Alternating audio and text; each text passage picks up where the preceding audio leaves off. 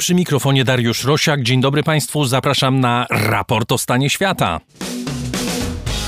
Już prawie 230 dni trwa obrona Ukrainy przed inwazją rosyjską. W ostatnich dniach Ukraińcy wyzwolili terytorium wielkości ponad 10 tysięcy kilometrów kwadratowych, wcześniej okupowane przez Rosję. Na tych terenach odkrywane są regularnie dowody rosyjskich zbrodni wojennych. Prezydent Biden ostrzega, że ryzyko nuklearnego Armagedonu jest najwyższe od czasu kryzysu kubańskiego w 1962 roku. Jednocześnie Amerykanie twierdzą, że nie widać na razie przygotowań do takiego uderzenia ze strony Rosji. Do jakiego rodzaju ataku mogłoby dojść? Jaką bronią jądrową dysponuje Rosja? Jaka może być reakcja USA? Jaką rolę odgrywa w inwazji Rosjan cyberwojna? Dlaczego nie było jak dotąd spektakularnego ataku na cele ukraińskie? I czy wojna w internecie zagraża demokracji? Grecja kończy okres podporządkowania finansowego Komisji Europejskiej. Dlaczego mało kto się cieszy i co może wyniknąć ze sporu Grecji z Turcją o wyspy na Morzu Egejskim? W Burkina Faso zamach stanu drugi w ciągu kilku miesięcy. Dlaczego Rosjanie pogratulowali sprawcy zamachu? W Indonezji tragedia na stadionie piłkarskim. Dlaczego w tym kraju futbol wywołuje tragiczne skutki, a policja stosuje drastyczne metody kontroli tłumu? I jeszcze o rosyjskiej brance, która przynosi nieszczęście. O tym w raporcie o stanie świata 8 października 2022 roku. Raport o stanie świata to program finansowany przez słuchaczy. Dzięki Państwu możemy nadawać go bezpłatnie dla słuchaczy i bez żadnych ograniczeń. Nie publikujemy reklam, nie zamieszczamy treści sponsorowanych. Nikt poza zespołem raportu nie ma wpływu na to, co w nim się znajduje. Dziękuję bardzo za Państwa ofiarność, a jeśli ktoś chciałby dołączyć do grona patronów, zapraszam na mój profil w serwisie patronite.pl. Za jego pośrednictwem najłatwiej nas wesprzeć. Nasz adres raportrosiaka.gmail.com. Proszę pisać, jeśli macie Państwo ochotę. Przede wszystkim proszę nas słuchać, najlepiej ze strony raportostanieświata.pl, a jeśli wolicie inne platformy, to także dobrze. Adrian Bąk, Chris Wawrzak w reżyserce studia Efektura w Warszawie. Zaczynamy!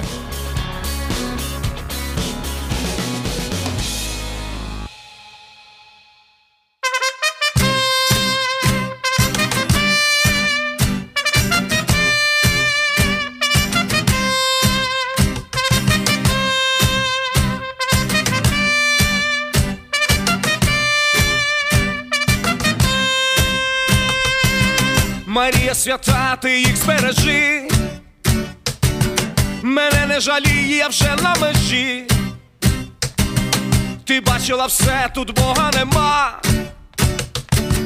тут тільки вогонь і свіжа зола, моє серце сталь, моя кров азов, не плач, моя люба, воскреснемо знов, моє серце сталь, моя кров азов. Не плач, моя люба, воскреснемо знов. У темряві бачу я очі твої. Повір, тут ми всі нестерпно живі. Повір, що я чую молитву твою. За тебе, за неньку, за вас тут стою. Моє серце сталь, моя кров азов. Не плач, моя люба воскреснемо знов. Моє серце сталь, моя кров азов. Не плач, моя люба, воскреснемо знов.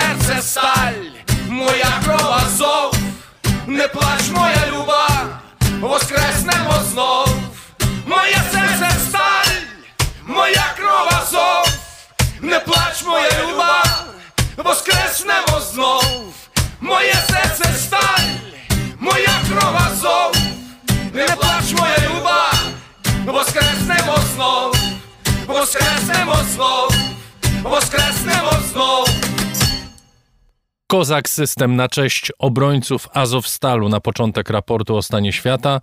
Bohaterowie z Mariupola już w domu po wymianie jeńców, przynajmniej ci, którzy przeżyli. Trwa ukraińska ofensywa, trwają ataki Rosjan na cele w Ukrainie i trwa psychologiczna wojna nuklearna Rosji Putina, który wczoraj świętował 70. urodziny zresztą. Zresztą świata ta wojna przynajmniej zachodniego. Prezydent Biden nawołuje, by traktować poważnie pogróżki rosyjskiego prezydenta i to nie tylko w sprawie użycia broni jądrowej. Jakie możliwości w tej dziedzinie posiada Rosja? Jak może zareagować Zachód? I jakie skutki miałoby użycie broni jądrowej przez Putina, na przykład dla jego sojuszy? O tym porozmawiamy w pierwszej części programu, a moim gościem jest Wojciech Lorenz z Polskiego Instytutu Spraw Międzynarodowych. Witam cię, dzień dobry. Dzień dobry, witam. Jaki arsenał broni nuklearnej posiada Rosja?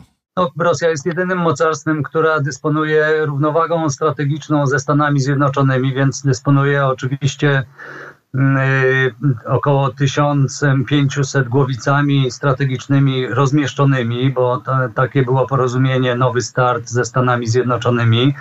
Oczywiście yy, znaczną ilością także głowic strategicznych, które są przetrzymywane w składach, nie są rozmieszczone e, na systemach przenoszenia. No i ogromnym arsenałem tak zwanym e, taktycznym, a więc głowicami o mniejszej mocy, które mogą być przenoszone przez, przez różne E, środki, e, rakiety krótkiego i średniego zasięgu, lotnictwo taktyczne i ten arsenał liczy się na około 2000 takich e, ładunków na zachodnim kierunku strategicznym. Czyli to są te same środki przenoszenia, które przenoszą konwencjonalne ładunki, tak?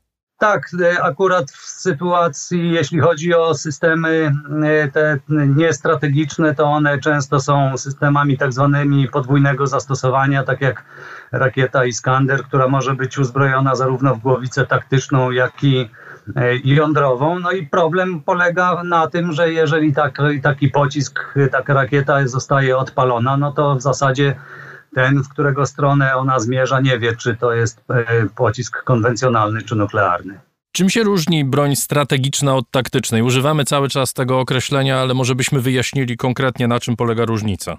Różnica polega przede wszystkim e, na tym, jaki jest cel ataku i jaki efekt chce się osiągnąć. Czyli e, takie najogólniejsze rozróżnienie dotyczy tego, że broń strategiczna, jeśli chodzi o rywalizację e, czy, czy odstraszanie między USA a e, wcześniej Związkiem Radzieckim, a teraz Rosją, to jest ta broń, która była przeznaczona do zaatakowania bezpośrednio terytorium przeciwnika. Natomiast broń taktyczna to jest ta, która miała być używana na polu walki, na przykład jeśli doktryna obronna i odstraszania NATO w czasie zimnej wojny zakładała, że Związek Radziecki, Układ Warszawski dysponuje znaczącą przewagą konwencjonalną i może w jakimś scenariuszu zaatakować Niemcy Zachodnie albo później dalszą część Europy Zachodniej, to ta broń taktyczna miała być wykorzystywana do ataków na siły przeciwnika, żeby zrównoważyć tą jego przewagę konwencjonalną, żeby po prostu e, niszczyć e,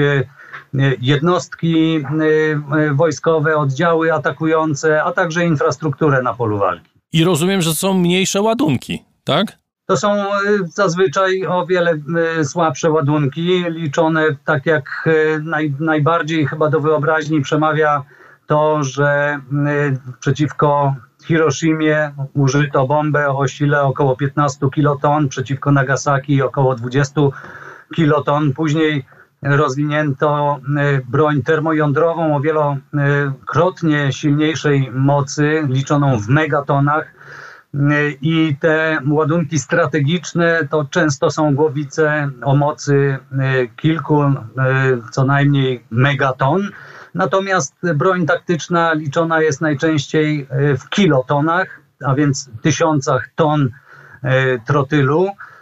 I te ładunki mogą mieć, no, mogą być nawet tak, taką mieć ograniczoną moc, że to może być mniej niż jedno, jedna kilotona, 5 kiloton czy 10 kiloton takiej mocy. Jakie skutki są wybuchu takiej głowicy, która ma na przykład jedną kilotonę albo 5 kiloton? Czy to powoduje promieniowanie takie jak znamy po wybuchu nuklearnym, czy towarzyszy temu grzyb atomowy, taki jak widzimy czasami na filmach? To oczywiście zależy od tego, w jakim miejscu, przeciwko jakiemu celowi byłaby e, taka e, broń użyta, taki ładunek.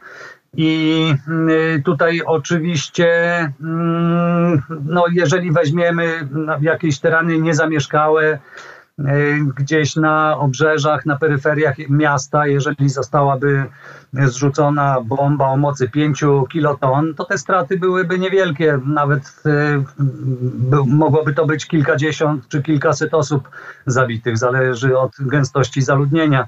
E, skala zniszczeń i, i, i, promieniowanie też nie jest takie duże, jak, jak większość ludzi sobie to wyobraża. To byłby teren zniszczony na powierzchni kilku może kilometrów kwadratowych i to promieniowanie takie, które utrzymywałoby się przez kilka tygodni, miesięcy, dosyć intensywne, y, to byłby też obszar skażony na, na powierzchni kilku kilometrów kwadratowych. Natomiast zupełnie inne skutki miałoby oczywiście zrzucenie, zrzucenie takiego ładunku na y, miasto, y, a więc tam, gdzie jest, jest, występuje gęste zaludnienie, zabudowa, no i, i, wtedy te straty byłyby liczone już w tysiącach, czy nawet w dziesiątkach tysięcy. Są zresztą nawet takie specjalne strony, na których takie symulacje można sobie, e, sobie przeprowadzić i e, niedawno sprawdzałem zrzucenie 5-kilotonowego ładunku, eksplozja na wysokości około 500 metrów nad powierzchnią ziemi, nad miastem zamieszkałym przez 250 tysięcy ludzi, no to byłoby około 20 tysięcy e, zabitych e, i pewnie kilkanaście, kilkadziesiąt tysięcy rannych. Natomiast e, zrzucenie tego samego ładunku już kilka, tysięcy, kilka kilometrów dalej na przedmieściach tego miasta to byłoby około 200 osób zabitych. Gdzie jest składowana broń atomowa przez Rosjan? No, Rosjanie mają kilka takich składów i jeden jest zresztą niedaleko granic y, Ukrainy. Y, o ile dobrze pamiętam, to, to jest około kilkudziesięciu kilometrów czy kilkuset kilometrów od, od ukraińskich granic. To jeżeli Rosja podejmowałaby, czy podjęłaby decyzję o, albo chciałaby jeszcze zwiększyć wiarygodność swoich gruźb nuklearnych, E, żeby pokazać, że oprócz retoryki podejmuje konkretne działania, które zwiększają prawdopodobieństwo użycia e, tego rodzaju broni, no to rzeczywiście widzielibyśmy, że te ładunki e, ze, ze składów nuklearnych są przewożone do, do jednostek i, i, i głowice, głowice mm, są rozmieszczane na systemach przenoszenia. Tak, takie dwa ośrodki w, w zachodnim okręgu wojskowy. No jeden mamy e, prawdopodobnie w Kaliningradzie, a jeden jest e, w Białogorodzie. To jest bardzo ważne, co mówisz. To znaczy, e, wynika z tego bowiem, że Amerykanie widzieliby, kiedy nastąpią jakiekolwiek ruchy świadczące o tym, że możliwość przygotowania ataku nuklearnego, czy to bronią taktyczną, czy bronią strategiczną, ma miejsce. Amerykanie by to wiedzieli, to nie mogłoby umknąć ich uwadze, prawda? To znaczy przy wykorzystaniu e, współczesnych metod wywiadowczych, obserwacji satelitarnej, obserwacji przez kamery e, porozmieszczane w Rosji, Amerykanie by to wiedzieli. Inaczej jest trochę z bronią strategiczną, bo część tych systemów jest na stałe uzbrojona w głowice nuklearne, chociaż przygotowania do, do ich użycia też e, było, byłyby e, wykryte przez e, amerykański wywiad, a inaczej w sytuacji broni taktycznej, ale jestem przekonany, że te zdolności wywiadowcze amerykańskie, zarówno jeśli chodzi o zdolności satelitarne, jak i jak i przygotowania, które zakładam, że w ciągu ostatnich kilkudziesięciu lat po rozpadzie Związku Radzieckiego, kiedy e, był o wiele bardziej dostępny do różnych e, działań wywiadowczych, zostały poczynione, a więc możliwość wykrywania e, tego, czy z składów ta broń jest wywożona, niezależnie od tego, którą drogą, czy transportem samochodowym, czy kolejowym że to oczywiście byłoby przez amerykański wywiad wykryte odpowiednio wcześniej i mm, mielibyśmy kilkanaście, kilkadziesiąt godzin, zakładając, że właśnie byłyby to faktycznie przygotowania do jej użycia, a nie tylko, a nie tylko próba eskalowania napięć. No dawałoby to czas na podjęcie odpowiednio działań politycznych, informacyjnych, z komunikacji strategicznej, która miałaby wywrzeć międzynarodową presję y, na Rosję, żeby jednak zmieniła swoje plany. Wiemy, że od czasu zrzucenia bomb na Hiroshima i Nagasaki nikt nie użył broni nuklearnej.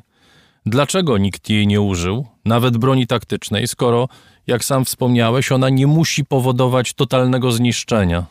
No, były rozważane, no, chyba najbardziej taki moment, w którym było rozważane użycie, to była wojna e, w Korei, kiedy generał MacArthur e, uważał, że trzeba użyć broni nuklearnej, a natomiast e, wielu strategów i decydentów politycznych uznało, że to po pierwsze właśnie nie przyniosłoby, spodziewa, mogłoby nie przynieść spodziewanego skutku, a jakby nie przyniosło spodziewanego skutku, to w zasadzie podważyłoby całą, y, całą taką tą narastającą już od lat 40. i 50.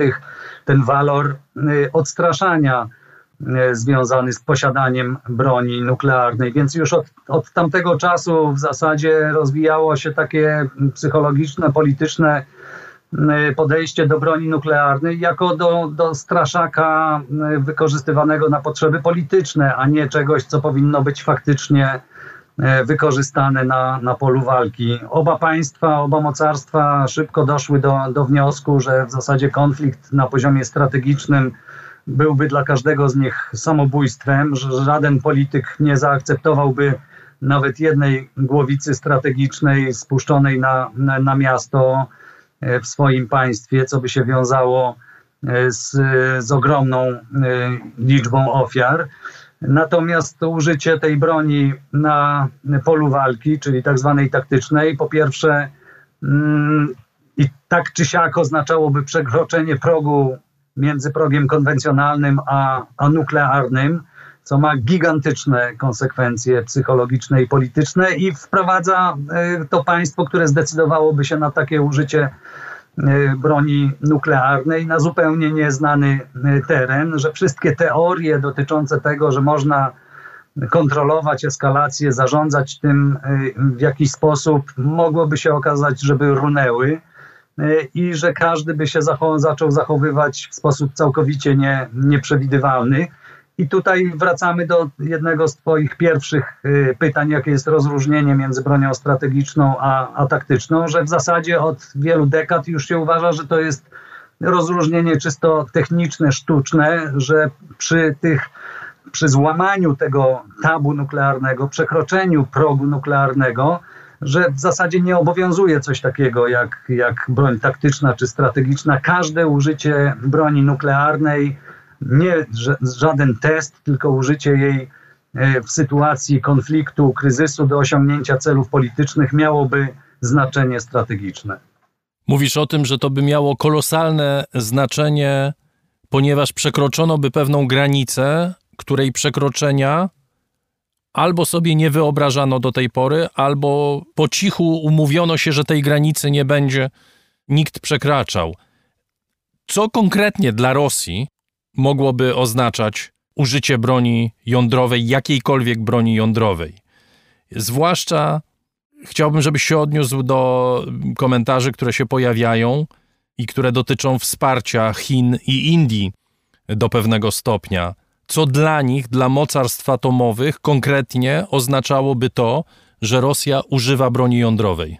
Po pierwsze, oznaczałoby to to, że upada cały reżim y, kontroli zbrojeń i obniżania ryzyka właśnie związanego z, z użyciem y, broni nuklearnej.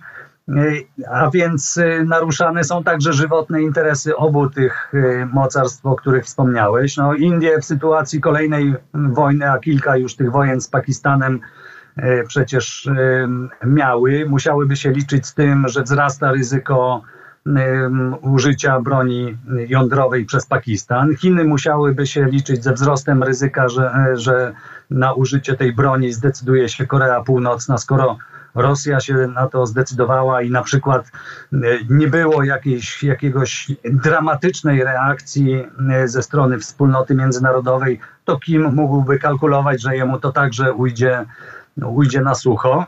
E, więc e, oba te e, mocarstwa, które zwłaszcza na początku wojny, na początku rosyjskiej inwazji przeciwko Ukrainie zachowywały się dosyć ambiwalentnie, no na pewno przyłączyłyby się do tej dużej części wspólnoty międzynarodowej, która było, byłaby zainteresowana nałożeniem na Rosję jak największych kosztów w związku z użyciem tej broni. I tutaj trzeba zdawać sobie z tego sprawę, że takie państwa jak Stany Zjednoczone czy wiele innych państw, które zdają sobie sprawę z potencjalnie dramatycznie negatywnych konsekwencji związanych z użyciem tej, y, tej broni, y, no byłyby zainteresowane pokazaniem, że jej użycie wiąże się z kosztami, y, które całkowicie przewyższają potencjalnie ewentualne zyski z jej, z jej użycia. Więc tutaj mielibyśmy najprawdopodobniej nie tylko do czynienia z, z izolacją polityczną, dyplomatyczną Rosji i,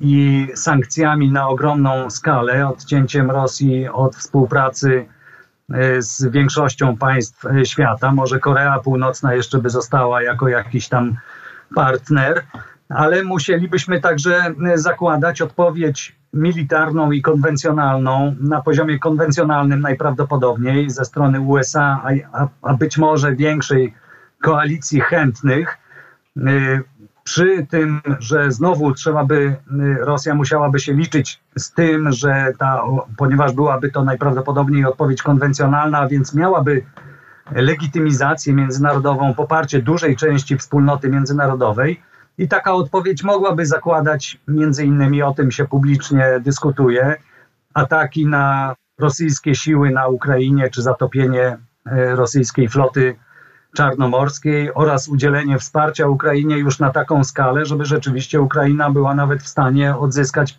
w pełni integralność terytorialną w jakiejś przewidywalnej przyszłości. Więc oczywiście ta, ta skala, mm, te ramy odpowiedzi, one nie są precyzowane, bo na tym polega odstraszanie, że ono musi być dwuznaczne.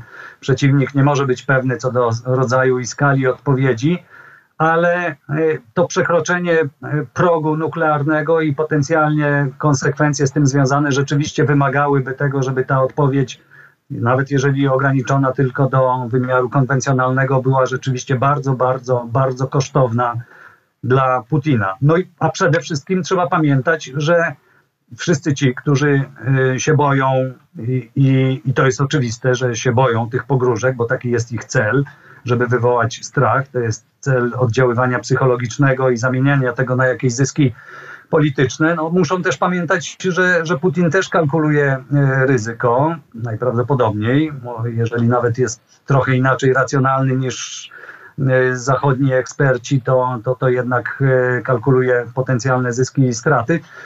I on nie miałby żadnej pewności, że użycie broni nuklearnej przeciwko Ukrainie przyniesie jakikolwiek efekt, że Ukraina skapituluje, że, że ukraińskie wojska się albo poddadzą, albo przestaną prowadzić kontrofensywę.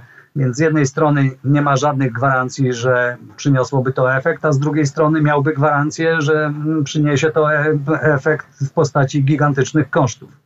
Mówisz o e, możliwych reakcjach, to jest oczywiście futurologia, ponieważ my nie mamy dostępu do materiałów e, amerykańskich, w których, jak rozumiem, tego typu reakcje są opracowywane w tej chwili, ale Niedawno była w Warszawie konferencja na temat bezpieczeństwa, Warsaw Security Forum. Czy wśród ekspertów nie dopuszcza się w ogóle takiej koncepcji, że Amerykanie mogą odpowiedzieć na ewentualny atak nuklearny atakiem nuklearnym? Przede wszystkim y, popatrzmy na, na to, jakie są korzyści, jakie przemawiają za odpowiedzią konwencjonalną. Y, jeżeli już całkowicie hipotetycznie, ale oczywiście Y, no, nie można y, udawać, że tej, tej dyskusji nie ma. Ona jest. Nawet teraz przecież prezydent Biden mówił, że sytuacja jest najpoważniejsza od czasu kryzysu kubańskiego, więc y, nawet jeśli to jest hipotetyczne, to to załóżmy ten czarny scenariusz, że Rosja decyduje się na nie na przeprowadzenie testu, chociaż też pamiętajmy, że są jeszcze różne możliwości eskalowania i nawet przeprowadzenie samego testu na poligonie na Nowej Ziemi w Arktyce byłoby już bardzo poważnym sygnałem i, i dawałoby Rosji możliwości oddziaływania psychologicznego na, na szeroko pojęty e, Zachód, ale załóżmy, że używa tej e, broni na terytorium e, Ukrainy. I amerykańska odpowiedź jest odpowiedzią konwencjonalną, ale niszczącą. No, jednak zaatakowanie rosyjskich sił na terenie Ukrainy, zatopienie okrętów, straty ogromne w rosyjskich wojskach no, strategicznie sytuacja taka, że, że Rosja absolutnie nie, nie jest w stanie pokazać, że nie tylko odniosła, w jakikolwiek sposób poprawiła sobie swoją sytuację na, na Ukrainie, ale jednoznacznie ulega ona pogorszeniu i nie da się tego ukryć przed rosyjską opinią publiczną, więc wchodzimy, znajdujemy się w sytuacji, kiedy Rosja miałaby możliwość zagrożenia eskalacją. No, musiałaby, musiałby Putin, załóżmy, pokazać, że nie, nie będzie, nie skapituluje w takiej sytuacji, więc grozi eskalacją przeciwko, przeciwko sojuszowi. No i mamy scenariusze oczywiście możliwego jakiegoś ataku lub konwencjonalnego, konwencjonalnego czy zwiększonego ryzyka e, ataku nuklearnego na terytorium sojuszu. No i w tym momencie, jeżeli pojawia się, wzrasta takie ryzyko, to ponieważ wcześniejsza odpowiedź była konwencjonalna, to Stany Zjednoczone i ta koalicja chętnych, która poparła taką odpowiedź, zachowuje wyższość moralną nad, nad Rosją, która jest absolutnie niezbędna do tego, żeby mieć legitymizację dla kolejnych działań. I tutaj te kolejne działania mogą uwzględniać nawet ataki wyprzedzające na, na siły nuklearne przygotowujące się do przeprowadzenia takiego ataku na terytorium NATO, na, na wyrzutnie rakiet Iskander czy, czy ośrodki dowodzenia. No, jakby przygotowywali się do odpalenia Iskandera, nie wiedzielibyśmy, czy będzie uzbrojony w głowicę konwencjonalną czy nuklearną. Więc uderzenie wyprzedzające, żeby, żeby zniszczyć takie, takie systemy, zanim, zanim one zostaną wykorzystywane do, wykorzystane do zaatakowania terytorium sojuszu no, byłoby uzasadnione i miałoby prawdopodobnie duże y, poparcie y, nie tylko w państwach NATO i Unii Europejskiej, ale być może także innej, y, także innej dużej części wspólnoty międzynarodowej.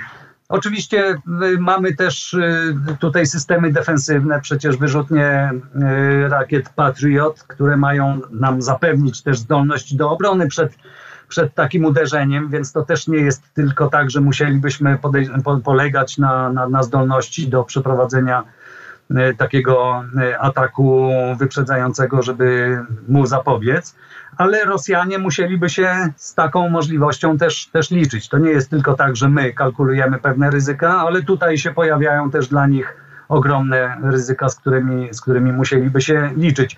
I to ograniczenie tej pierwszej odpowiedzi do wymiaru konwencjonalnego, no, tworzy więcej ryzyk dla, moim zdaniem, dla, dla Rosji niż, niż dla, dla NATO, dla, dla Stanów Zjednoczonych. Utrzymanie tej moralnej przewagi ma bezpośredni związek e, z, z poparciem politycznym, z legitymizacją e, działań i tutaj, e, i tutaj Stany Zjednoczone i ich sojusznicy zapewnialiby sobie tak zwaną przewagę eskalacyjną nad, nad Rosją, ale pamiętajmy, że rzeczywiście jest tutaj pewien element niepewności. No jeżeli by się już zdecydowali na użycie broni nuklearnej, to rzeczywiście wchodzimy na obszar całkowicie niezbadany i mogłoby się okazać, że ta dynamika polityczna, że te e, kalkulacje e, interesów strategicznych w tym momencie są zupełnie inne niż to, co nam się teraz wydaje i Rosja też nie może mieć pewności, że ta odpowiedź by się ograniczała tylko do do wymiaru konwencjonalnego. Wojciech Lorenz z Polskiego Instytutu Spraw Międzynarodowych był gościem raportu o stanie świata. Dziękuję bardzo. Dziękuję bardzo. Jeszcze w tym programie wrócimy do tematu y, wojny wywołanej Ukrainie przez Rosję, a tymczasem zmieniamy kontynent.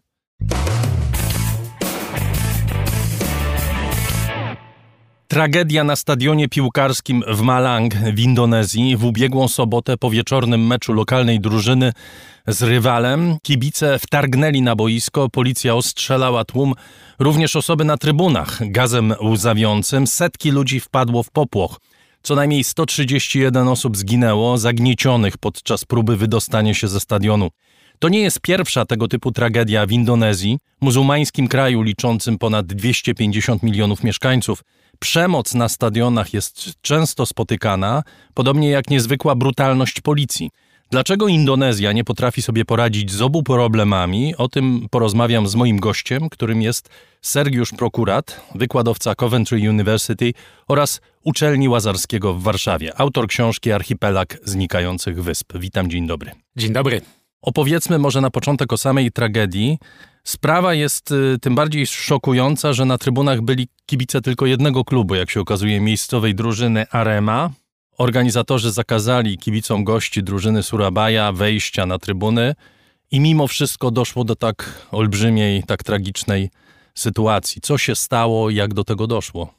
Tak, to jedna z największych tragedii y, tego typu, jaka miała miejsce w e, historii piłki nożnej. Dość e, powiedzieć, że e, pod względem ofiar, zarówno tych śmiertelnych, jak i tych osób, które e, straciły zdrowie, e, szacuje się, że jest to mm, trzecia tego typu w historii e, sytuacja mm, po strasznych sytuacjach, które miały miejsce na meczach w Peru w 1964, w Ganie w 2001. Ten przypadek e, nie jest niczym szczególnym dla Indonezji, o czym będę e, dzisiaj mówił, e, jako że Indonezja jest bardzo pięknym, fantastycznym miejscem z tropikalnym klimatem, gdzie jednak organizacja pracy, organizacja meczy, praca policji, praca ochroniarzy, funkcjonowanie stadionów oraz to, jak wygląda sam Indonezja, indonezyjski futbol odchodzi od naszych wyobrażeń, e, gdy myślimy o tym dalekim, wyspiarskim kraju. To powiedzmy, może zacznijmy od policji, o czym wspomniałeś. E, zachowanie policji było no, przedziwne.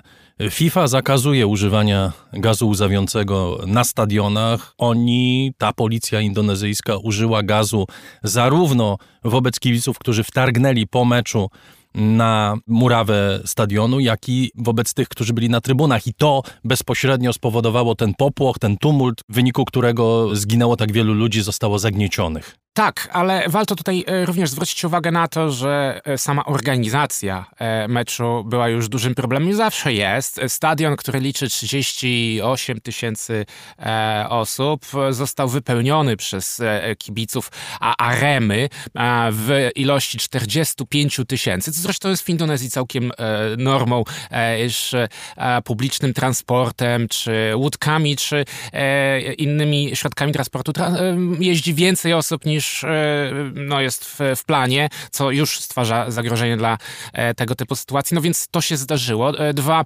samochody poblokowały wyjścia z samego stadionu. Wszystkie wyjścia ewakuacyjne były zablokowane, no bo organizacja szwankowała, nikt tego nie pilnował. No i ostatecznie ta policja, która spanikowała, to znaczy nie powinni używać tego typu środków jak gaz, ale też po tych eventach stracił pracę główny dowodzący komendant e, w mieście e, Malang, bo tak ze szczerością przyznał się, no zawalili, zawaliliśmy i e, ostatecznie to nasza wina. Czy takie rzeczy, wspomniałeś o tym, że ten futbol nie jest, kompletnie odpowiada naszym wyobrażeniom na temat tego, czym są mecze piłkarskie? Dlaczego nie odpowiada naszym wyobrażeniom? Czy tego typu rzeczy, tego typu tragedie mają miejsce w Indonezji często?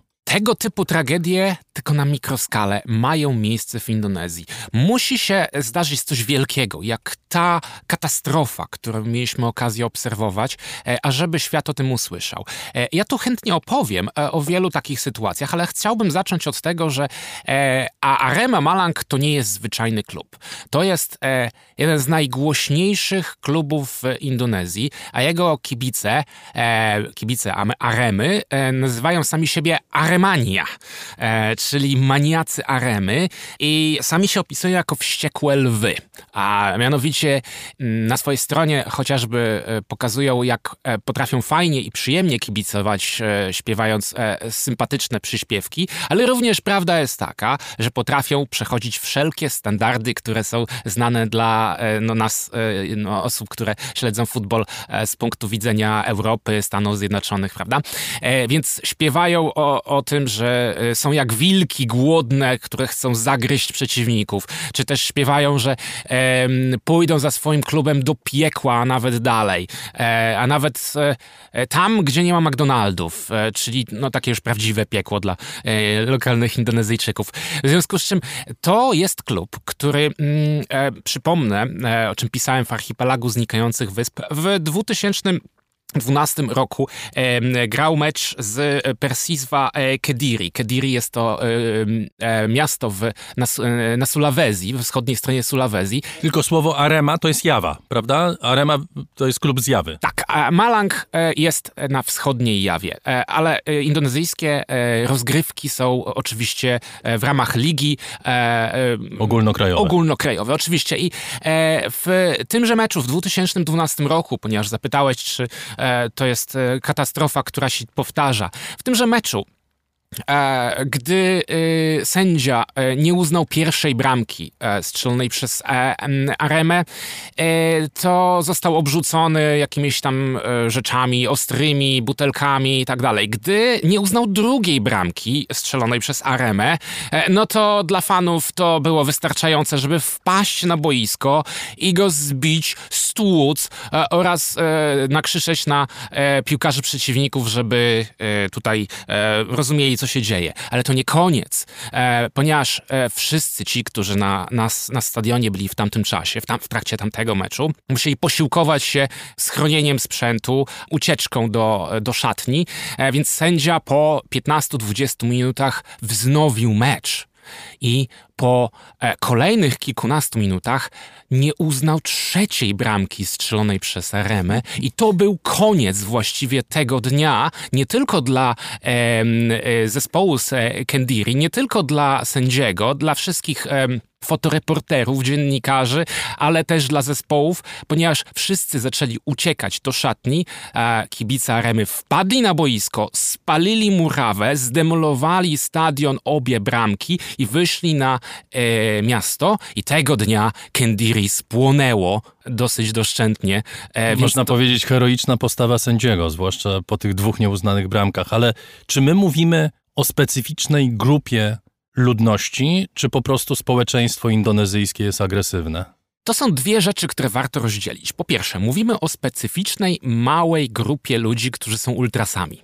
E, I to jest znany fenomen nie tylko w Indonezji, że zespoły e, piłki nożnej mają swoje grupy ultrasów, którzy, e, którzy jeżdżą za, za nimi i kibicują tak zawzięcie, że wszyscy po drugiej stronie mocy są przeciwnikami mm, na śmierć i życie, prawda? Tutaj w przypadku Indonezji to wynika z również historii tegoż kraju. I tutaj może chciałbym tutaj zrobić taki mały e, wtręt o e, samej historii, mianowicie e, Indonezja jako e, holenderskie Indie Wschodnie w czasach kolonializmu w XIX wieku e, no, była krajem podrzędnym w stosunku do Holandii, mianowicie była kolonią.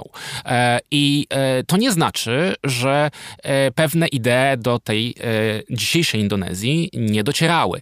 I na przykład John Edgar, Holender, który w Wielkiej Brytanii na, e, pod koniec XIX wieku podpatrzył, jak wyglądają zasady piłki nożnej i zdecydował się założyć pierwszy klub e, w e, Indonezji, w Surabai, e, zaczął propagować grę w piłkę. Gra w piłkę w Indonezji szybko stała się e, takim wentylem e, bezpieczeństwa, bo gdy nie można protestować oficjalnie przeciwko kolonizatorom, przeciwko e, Holendrom w tym przypadku, to robiło się to w e, sposób inny. E, Gdzieś tam e, te emocje były przerzucane na inny zakres, na, in, na inny fragment życia społecznego. I to była właśnie piłka. Po jakimś czasie jednakże rząd holenderskich Indii Wschodnich e, zalegalizował ligę i zalegalizował grę w piłkę nożną w Indonezji i nawet e, powstały e, mecze towarzyskie pomiędzy reprezentacją Holandii tamtego czasu, a reprezentacją holenderskich Indii Wschodnich, które... Mówimy jeszcze o XIX wieku? Mówimy, mówimy o początku XX wieku, które to holenderskie Indie Wschodnie oczywiście powinny przegrywać, bo jak to można, prawda, wygrać tutaj z naszym rządzącym krajem, którym była Holandia, ale raz, o ile pamiętam, w 1937 roku udało się zremisować. Wtedy był szał w mediach niesamowitych holenderskich, jak to wytłumaczyć, że w ogóle zremisowaliśmy, więc pogoda była zła, e, murawa była zła, wszystko było złe. Potem, kiedy Indonezja zdobyła niepodległość, ogłosiła nową konstytucję, Sukarno doszedł do władzy, powstało pytanie, jak powinno funkcjonować społeczeństwo indonezyjskie, jak scalać te wszystkie narody, e, te wszystkie e, mm, wyspy i kultury w jeden e, taki wspólny obszar, który będzie tworzyć tą tożsamość indonezyjską.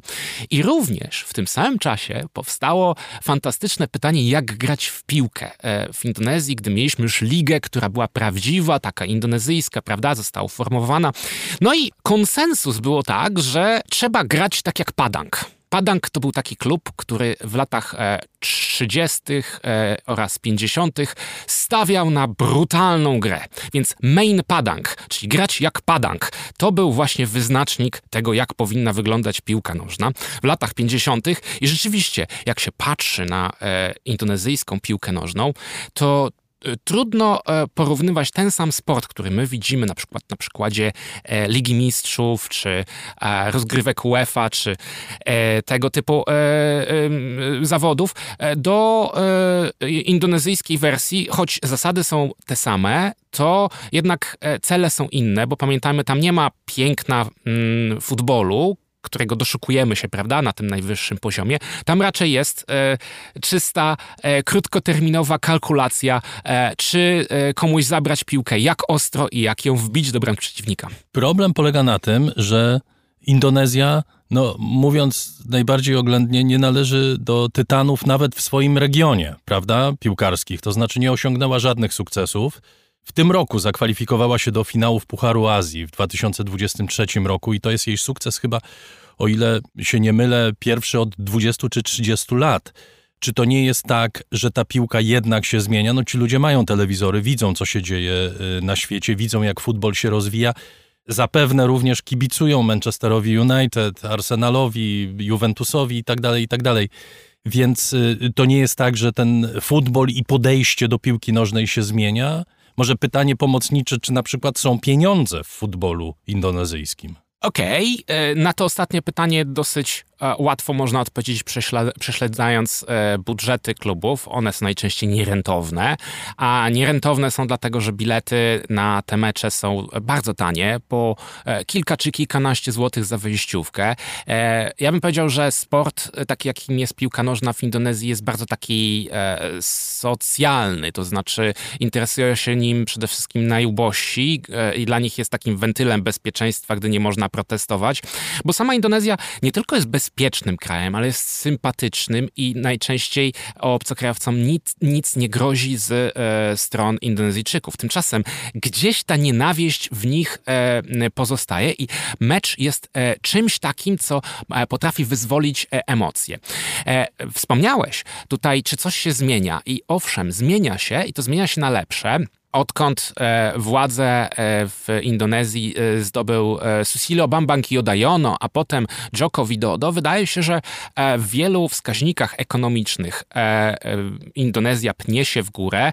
W raporcie, jak wygląda prowadzenie biznesu w Indonezji, Indonezja zdecydowanie zaliczyła olbrzymi skok. Powiem tak, w 2004 roku założenie firmy trwało około roku roku legalnie, żeby firmę zacząć prowadzić e, i kosztowało 3 średnie pensje, podczas gdy dzisiaj w Indonezji można firmę założyć poniżej miesiąca i nie kosztuje już to tak dużo, więc widać tą pozytywną zmianę, ale e, jednocześnie piłka nożna to jest takie miejsce, e, może taka instytucja, która jest bardzo zakonserwowana. My też w Polsce jakiś czas temu, 15-20 lat temu, mieliśmy problemy e, różnego typu z naszym futbolem rodzimym. Od... Z leśnymi dziadkami. Tak, ale też od korupcji, po, poprzez to, że e, państwo nie do końca może ingerować w to, jak wygląda e, praca związku, e, związku piłki nożnej, e, bo jest to e, rozumiane przez FIFA jako zamach na niezależność No tak, bo to jest prywatna instytucja. Dokładnie. I w Indonezji również jest taka prywatna instytucja, nazywa się Persatuan Sepak Bola e, Seluruh Indonezja, czyli PSSI. E, I ta, ta organizacja jest z indonezyjskim futbolem od bardzo długiego czasu. Ale mówisz o federacji? To jest federacja? To jest taki PZPN indonezyjski. Mhm. No i e, tutaj te same problemy, które e, miała Polska kilkadziesiąt lat temu, kilkanaście, kilkadziesiąt lat temu, dzisiaj występują w Indonezji. Mimo, że kraj się zmienia bardzo na plus, to tam cały czas występują problemy, o których chętnie opowiem. Tutaj, jak w takim obiektywie widać, może posłużę się przykładem problem korupcji, który występuje w indonezyjskiej e, piłce, który kładzie e, cień na całość e, funkcjonującej gry zawodników, pracy sędziów i jakby otoczce dla piłki. I to jest coś, co jest obecne w całym życiu społecznym, politycznym Indonezji? Jest, jak najbardziej. W niektórych miejscach jest tej korupcji coraz mniej. Swojego czasu była e, Korupedia, e, czyli taka strona jak Wikipedia, którą e, założono po to, żeby pokazywać, kto był skorumpowany, bo w Indonezji było tak, że następnego dnia po korupcji już wszyscy o tym zapominali i nikt o tym nie pamiętał, kto był kiedy skorumpowany, więc powstała Korupedia. Ale wracając do piłki nożnej, pamiętam, był taki mecz mm, Sleman-Semarang. To są dwie dwie drużyny, które w 2014 roku e, grały o awans do wyższej ligi. A tak się zdarzyło, że w 80 minucie było 0-0, e, a jednocześnie w równoległym meczu a okazało się, że wygrywa i wygra e, równoległy mecz e, zespół Pusamania Borneo, który jest, e, był. E, a wspierany przez gangsterów. I co się zdarzyło w tym meczu, który był rozgrywany e, w 2014 roku pomiędzy e, Sleman i Semarang? Otóż, gdy się obie zespo oba zespoły dowiedziały o tym, kto będzie ich rywalem, to w 80, w 80 minucie e, zaczęły oba zespoły atakować swoją bramkę, a przeciwnik zaczął bronić bramki przeciwnika. E, więc e, wygrał o, o, o, ostatecznie zespół Sleman, który strzelił sobie to trzy samobuje, podczas gdy... E, Super historia. Podczas gdy zespół z, e, z e, Semarang zdołał strzelić tylko dwa samobuje, więc e, historia jest kuriozalna, ale to pokazuje, mm, jakie znaczenie ma ta cała otoczka i w którą stronę ta indonezyjska piłka potrafi zmierzać m, od czasu do czasu. Różne rzeczy w Polsce się działy, ale czegoś takiego nie nie było. Dobrze, opowiedz, jak politycy, żarty na bok, jak politycy zareagowali na tę tragedię, zwłaszcza prezydent, o którym wspomniałeś, y, Joko Widodo. Joko Widodo e, troszeczkę robi dobrą minę do złej gry, bo przecież on jest doskonale świadomy tego, jak wygląda e, indonezyjska piłka nożna, jak wyglądają te mecze i e, była cicha akceptacja na to, co się dzieje. Tymczasem ten event okazał się być tak głośny, że wszystkie kraje na świecie pokazały palcem na Indonezję. Patrzcie, co tam się dzieje. I wreszcie ktoś zaczął zauważać. Więc e, na razie Joko Widodo zdecydował, e, że zawieszamy rozgrywki i nie będziemy grać w piłkę, co nie jest żadnym rozwiązaniem, e, a jednocześnie będzie prowadzone śledztwo, co się dzieje. E, oczywiście to śledztwo prawdopodobnie będzie no, szybko ukręcone i pewnie te rozgrywki zostaną wznowione. Ja tutaj może wspomnę, że w ostatnich kilku latach w Indonezji funkcjonowały dwa związki piłki nożnej. Ten pierwszy, który które wymieniłem i ten drugi. A, I właściwie e, dwie ligi. Konkurencyjne, rozumiem. Tak, dwie ligi, więc wszyscy najlepsi piłkarze grali w, do 2014-2013 roku w e, nielegalnym, e, w nielegalnej lidze, e, zdane, zdaniem związku. Natomiast e, e, po 2013 roku nagle okazało się, że nielegalna liga stała się legalna, a ta nielegalna, a ta legalna stała się nielegalna.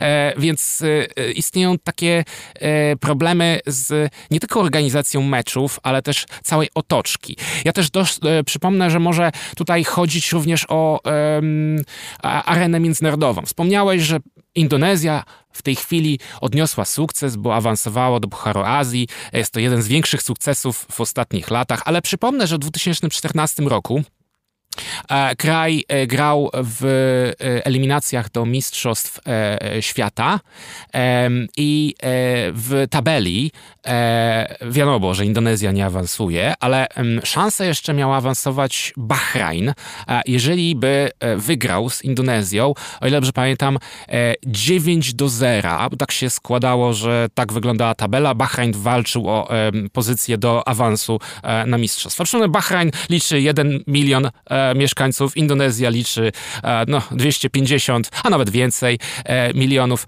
Więc e, od początku tego meczu działy się bardzo dziwne e, historie e, i e, ostatecznie od dwóch czerwonych kartek e, bramkarza w dziewiątej minucie do e, bramki na 9-0 oczywiście w, w 80 którejś minucie. Ostatecznie Bahrain chyba wygrał 10-0, ale nie awansował, bo w e, równoległym meczu bodajże Katar zdobył bramkę w ostatniej minucie, który, która spychała Bahrain niżej, a ostatecznie to pokazuje, że Indonezja zajmując ostatnie miejsce w e, tabeli. E, grając Też umiała na tym zarobić. Krajami, tak, miała na tym zarobić, e, grając z krajami, których potencjał e, nie jest wcale większy, e, no pokazała, no, że ten futbol e, również na szczeblu międzynarodowym nie dorósł do tego, żeby funkcjonować w realiach międzynarodowych. To wszystko byłoby nieprawdopodobnie śmieszne, gdyby nie towarzyszyła temu tragedia, tak ogromna tragedia.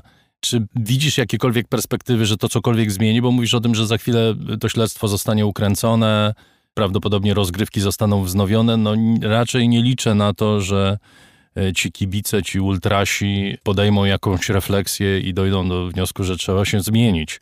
To znaczy w dalszym ciągu będzie to samo, więcej tego samego, co mieliśmy przez te lata. Ten krajobraz, który opisałeś, się nie zmieni? Ja myślę, że tak fundamentalną zmianę jest bardzo ciężko. E, ja jestem e, z wykształcenia e, ekonomistą i badam sytuację, dlaczego kraje biedne są biedne, a bogate są bogate. I to się zatrzymuje na pojęciu instytucji, która jest fenomenem ekonomicznym, czyli zasadami czy też ograniczeniami, w ramach których funkcjonują jednostki. I żeby poprawiać instytucje, to po pierwsze rządzący, czy też e, osoby, które podejmują decyzje, muszą mieć bodźce do tego, a bodźce do tego mogą być wewnętrzne bądź zewnętrzne. Więc czasami jest tak, że e, te bodźce wręcz, wręcz nawet pchają kraj do gorszych e, rozwiązań instytucjonalnych, co widzieliśmy w wielu miejscach na świecie, chociażby Wenezuela, Argentyna, prawda? Indonezja jest na ścieżce ku poprawieniu swoich instytucji, tak jak powiedziałem, i jest to dosyć dobrze widoczne. Y, wielokrotnie bywając w Indonezji, widzę ten progres. Widzę, jak bardzo poprawia się infrastruktura, jak bardzo poprawia się e, jakość świadczonych usług, jak coraz trudniej jest skorumpować e, funkcjonariuszy, chociaż to wciąż możliwe. E, tym niemniej pamiętajmy, że piłka nożna potrafi być w szczególności oporna, e, a tutaj potrzeba jest jakichś takich e, działań fundamentalnych, e, które e, zrewolucjonizują e, całe zarządzanie indonezyjską piłką nożną, bo kibice to tylko góra i wierzchołek tej góry, prawda? Dzięki którym widzimy te takie tragedie, podczas gdy tak naprawdę troszeczkę chora jest cała podstawa. Bardzo dziękuję. Sergiusz Prokurat, wykładowca Coventry University oraz uczelni Łazarskiego, autor książki Archipelag znikających wysp, był gościem raportu o stanie świata. Dziękuję bardzo. Dziękuję pięknie.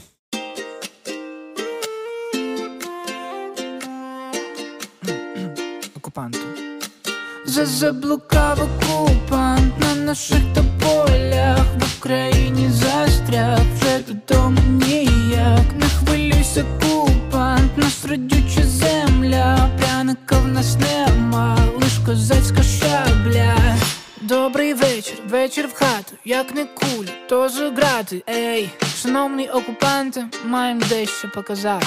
Сесі 300, орків чистить, барактари запідсмажуть, ПВО цілодобово зустрічають. Мордер сходу, як засохло в горлі, пригощайся. На здоров'я, фірмове бандера, смузі для тебе і всіх твоїх друзів, як натрапиш випадково на наших ребят, зову ти втікай, куди не скажу, баба Надя там підкаже.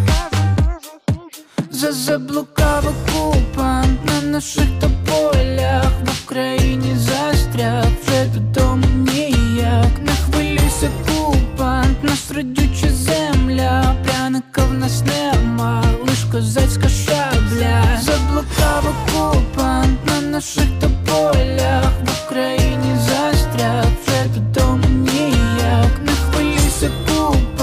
нас родюча земля, пряника в нас нема, лиш козацька шабля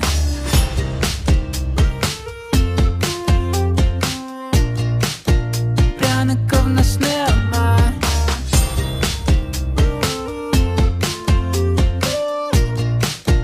Лиш козацька шабля Ukraiński Embris w raporcie o stanie świata o okupantach. Świat z boku również dziś na ten temat.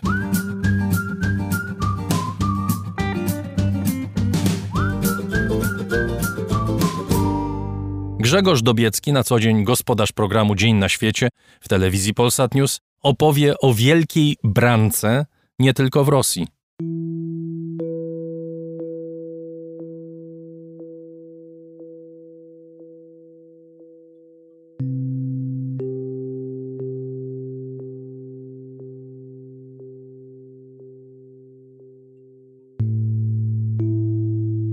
Stworzyli potwora, przez tyle lat go karmili, sami przy nim obrastali w tłuszcz, nowo bogactwo i wpychę, niech się go więc teraz sami pozbędą. Strasznie wysoko zawieszamy Rosjanom poprzeczkę. Większość nie doskoczy, nawet nie spróbuje. Zabić drania i zakończyć ten nonsens, radzi śmiałkom Ilia Ponomariow. W 2014 jako jedyny głosował w Dumie przeciwko Anschlussowi Krymu. Dzisiaj, gdy nazywa się go dysydentem, poprawia ze Strasburga: Jestem przedstawicielem zbrojnej opozycji. Czyli kogo? Kilku desperatów, którzy podpalali komendy uzupełnień? Posyłania rezerwistów w Kamasze to nie przerwało, powstania nie wywołało. A może powstawać nie warto, skoro upadek już blisko?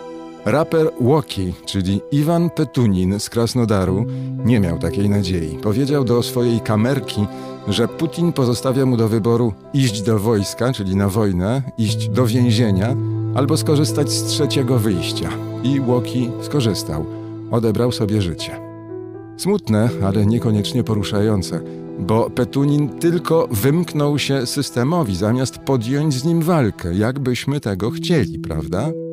Zastępy młodych Rosjan znajdują lepsze, trzecie wyjście. Uciekają przed poborem nie w zaświaty, tylko za granicę, gdzie się da, gdzie ich jeszcze wpuszczają. Nie dlatego jednak uciekają, że są przeciwni operacji specjalnej Putina, dlatego że odległa wojna, która dotąd im nie wadziła, nawet podobała się w telewizji, teraz się o nich upomina. Agoń, agoń, agoń, agonia, jak w piosence zespołu Lube nadwornej grupy Putina. Bohater paragrafu 22 uważał, że wojna toczy się wyłącznie po to, żeby on został zabity. Jego każdy lot był w gruncie rzeczy próbą dezercji. Dzisiaj w Rosji dezercja, 10 lat więzienia, kalkuluje się bardziej niż krytykowanie wojny. 15 lat łagru, a dla zdrajców ojczyzny takich jak Władimir Karamurza nawet 20. Niezborna, częściowa mobilizacja to nie branka, która zamiast zapobiec powstaniu styczniowemu jedynie je przyspieszyła. O żadnej insurekcji w Rosji nie słychać. Spośród protestujących przeciwko braniu w soldaty policja wyaresztowała 2,5 tysiąca ludzi. Wystarczyło. Uciekają przed odpowiedzialnością, bo winni zostać i obalić Putina, mówi Gabrielius Landsbergis. Minister spraw zagranicznych Litwy. A to jest zadanie ponad ich wyobraźnię, poprzeczka wywindowana w chmury. Skąd niby miałaby się u nich brać odpowiedzialność, wyjałowiona przez dekady putinizmu? Zresztą rosyjscy uciekinierzy mogą mieć inne zadania. Wytautas Landsbergis, ojciec Gabrieliusa oraz odrodzonej Litwy, przestrzega, że ci ludzie mogą stać się bronią użytą przeciwko krajom, które ich przyjmują. Bałtowie wyczuleni na prowokacje graniczne w typie białoruskim i na agenturalną infiltrację pozostają najostrożniejsi. Niemcy w odruchu humanitaryzmu pokutnego oferują azyl. Zastanawiające, jak łatwo kilkuset tysiącom młodych mężczyzn udaje się wyłgać od poboru i wyjechać z Rosji. 200 tysięcy dotarło do Kazachstanu, ale już ich tam nie ma. Gdzie się podzieli? Prawdziwa bramka odbywa się na terenach okupowanych, czy może jeszcze okupowanych przez najeźdźcę. Skoro Federacja Rosyjska uznała je za swoją część, to tamtejsi Ukraińcy podlegają wcieleniu do jej armii. W obwodzie ługańskim na poszukiwanie tych, którzy się ukrywają, kolaboracyjne władze wysyłają drony. Z granicy rosyjsko-estońskiej wywieziono w nieznanym kierunku ponad tysiąc Ukraińców, usiłujących tą drogą uciec przed okupacyjnym poborem w Donbasie. Nieznany jest los kilku tysięcy dzieci wziętych w ruski jasyr, bo słowo branka ma też inne znaczenie. To oblubienica, która wcale nie chce tego, co ją sobie upatrzył, więc zostaje porwana i zaślubiona po niewoli. Taką bramką miała być Ukraina. Putin już wie, że jej nie dostanie, ale dalej gotów jest ją porwać na kawałki.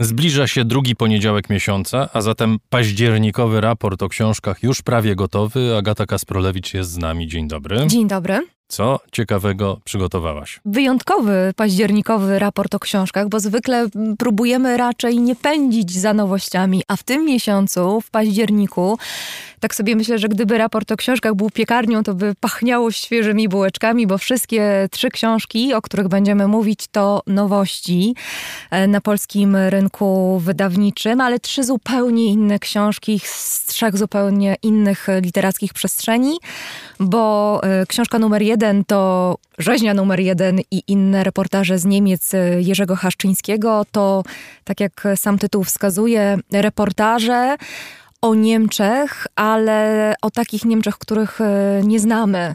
Ciekawa, wybijająca ze wszystkich stereotypów, które pomagają nam myśleć o Niemczech i o Niemcach, książka napisana ascetycznie, ale przyciągają te historie, bo myślę, że siłą tych reportaży są historie.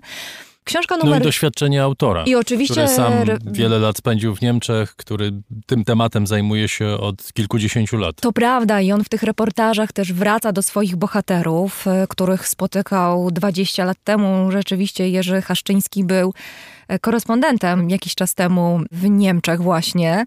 Ta książka też jest ciekawa, dlatego że mam wrażenie, że konfrontuje się, trochę się boksuje y, z tym tematem y, sam autor, któremu niewątpliwie Niemcy są bliskie, a jednocześnie mierzy się z takimi bardzo trudnymi tematami, często uwierającymi, często niewygodnymi, ale też konfrontują się nieustannie jego bohaterowie, bo to nie są Niemcy, których znamy e, z, z, tego takiego utwierdzonego gdzieś tam w naszej masowej wyobraźni wizerunku Niemca jako człowieka takiego pragmatycznego, hej do przodu, który wszystko ma poukładane, no bo jak porządek to wiadomo, że niemiecki, tylko to są ludzie, którzy tkwią gdzieś w jakiejś takiej dziwnej przestrzeni między przeszłością a teraźniejszością.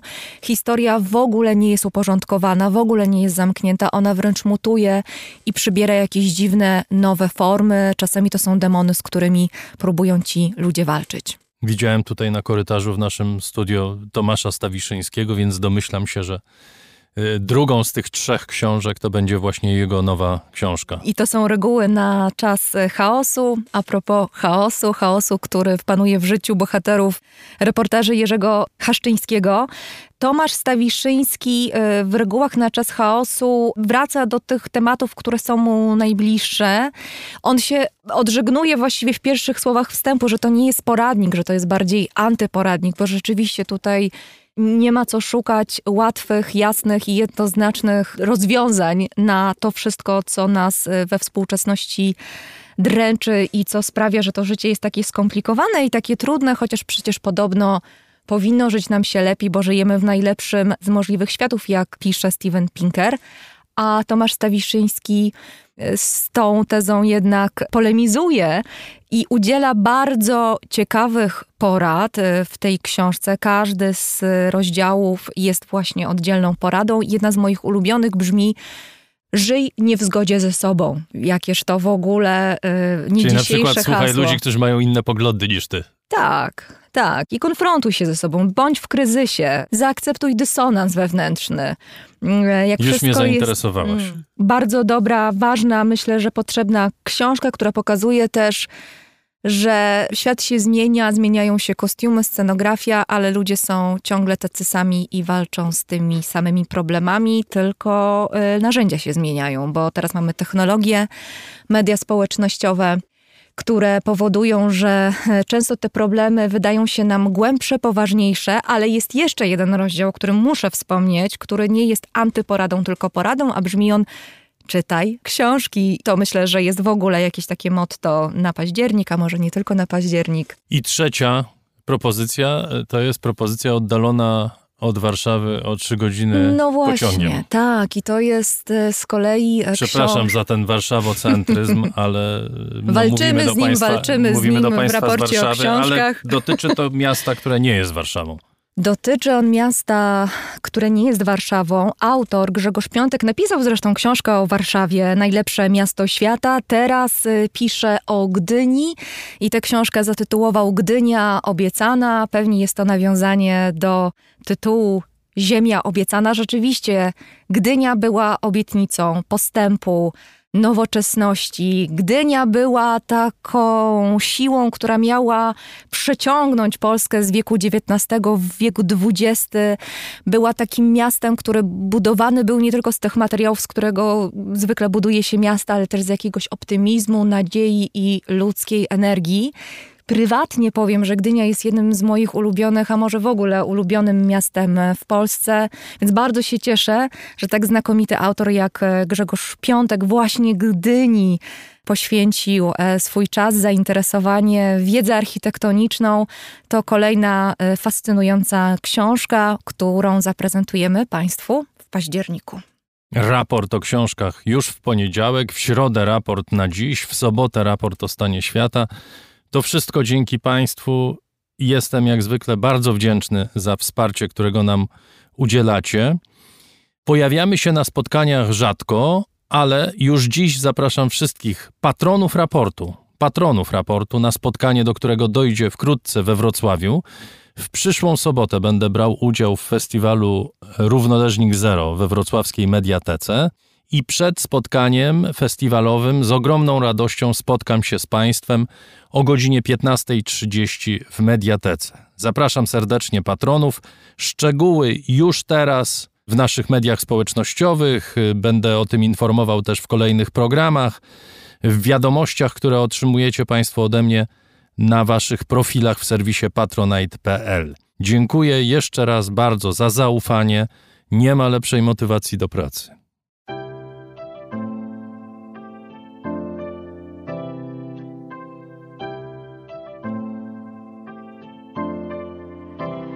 Raport o stanie świata od marca 2020 roku rozwija się dzięki Państwa zaangażowaniu i szczodrości. To dzięki Wam możemy opowiadać o świecie przy pomocy dźwięków. Dzięki Wam ten program może być przygotowywany w profesjonalny sposób z zachowaniem najwyższej jakości, bo na nią zasługują słuchacze raportu o stanie świata. Z serca dziękujemy wszystkim Państwu za wpłaty. Wasza hojność jest dla nas ogromnym zobowiązaniem. Zbiórka na patronite.pl ciągle trwa. Zachęcam do udziału w niej. Najhojniejsi patroni raportu o stanie świata to firma Ampio Smart Home, Aureus, leasing, kredyt, ubezpieczenia, księgowość. Sprawdź nas na www.aureus.pl. Hotel Bania Termal i Ski w Białce Tatrzańskiej, oferujący pakiety pobytowe z termami w cenie. Firma doradcza Crido. Galmet. Polskie pompy ciepła. Gdziepolek.pl. Wyszukiwarka leków w aptekach stacjonarnych i internetowych. Nowe studia podyplomowe w Polsko-Japońskiej Akademii Technik. Zdobądź cenione na rynku umiejętności. Michał Małkiewicz. Firma Software Mill. Od zawsze zdalni. Programują dla całego świata. Dom wydawniczy Muza. Bo świat nie jest nam obojętny. Uber. Myślimy globalnie, działamy lokalnie. Agnieszka i Sławek Zawadcy. A także BIMV.pl. Kursy online dla inżynierów. Liceum Błańskiej Gdańsk-Kowale. Przemyślana edukacja w dobrym miejscu. Piotr Bochnia.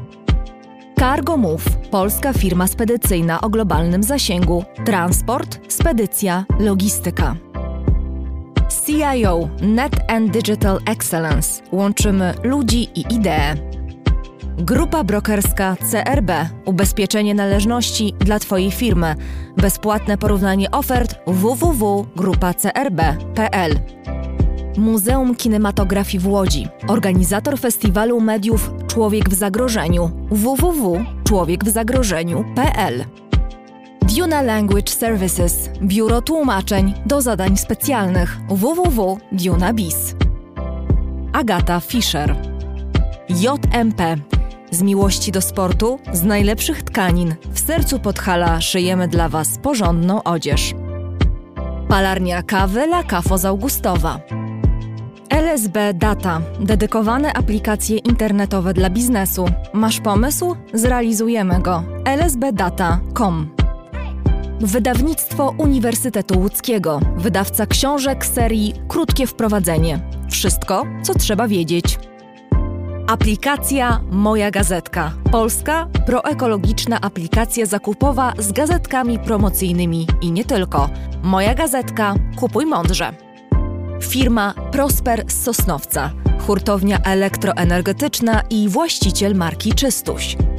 Drukarnia cyfrowa totem.com.pl. Dla nas książka zasługuje na najwyższą jakość. Fundacja Wasowskich, opiekująca się spuścizną Jerzego Wasowskiego i wydawca książek Grzegorza Wasowskiego. Szczegóły na wasowscy.com. Wayman oprogramowanie wspomagające firmy inżynieryjne w zarządzaniu projektami, stworzone przez polskich inżynierów dla sektora projektowego www.wayman Software. Dziękujemy bardzo. To dzięki Państwu mamy raport o stanie świata.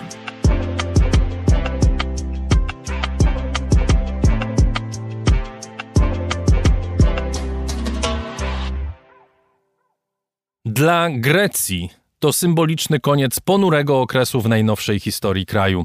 Po 12 latach Komisja Europejska ogłosiła zakończenie ścisłego finansowego nadzoru nad Atenami. Tym samym kończy się zaaplikowana Grecji przez Brukselę kuracja zaciskania pasa, która miała uratować kraj przed bankructwem. Faktycznie Grecja, choć była blisko, nie musiała go ogłaszać. Brukselscy urzędnicy i centroprawicowy grecki rząd nie kryją zadowolenia. Tego samego nie można powiedzieć jednak o samych Grekach, z których ponad 28% żyje poniżej progu ubóstwa. A zatem jaki jest bilans unijnej pomocy dla Grecji? O to w Atenach pytał Marcin Pośpiech. Lehman Brothers, a 158-year-old firm, filed for bankruptcy. Jesień 2008 roku.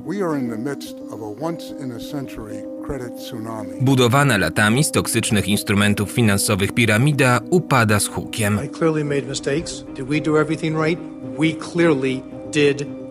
Amerykańska rezerwa federalna ogłasza bankructwo banku Lehman Brothers. Jej wieloletni szef Alan Greenspan przed Komisją Izby Reprezentantów przyznaje się do katastrofalnej w skutkach pomyłki. You found that your, your view of the world, your ideology was not right. Precisely. Jak mówi, w ideologii, którą wyznawałem, były poważne błędy. System oparty na chciwości i skrajnym ryzyku rozpada się na oczach świata. Giełdy ogarnia panika, krach rozlewa się po świecie.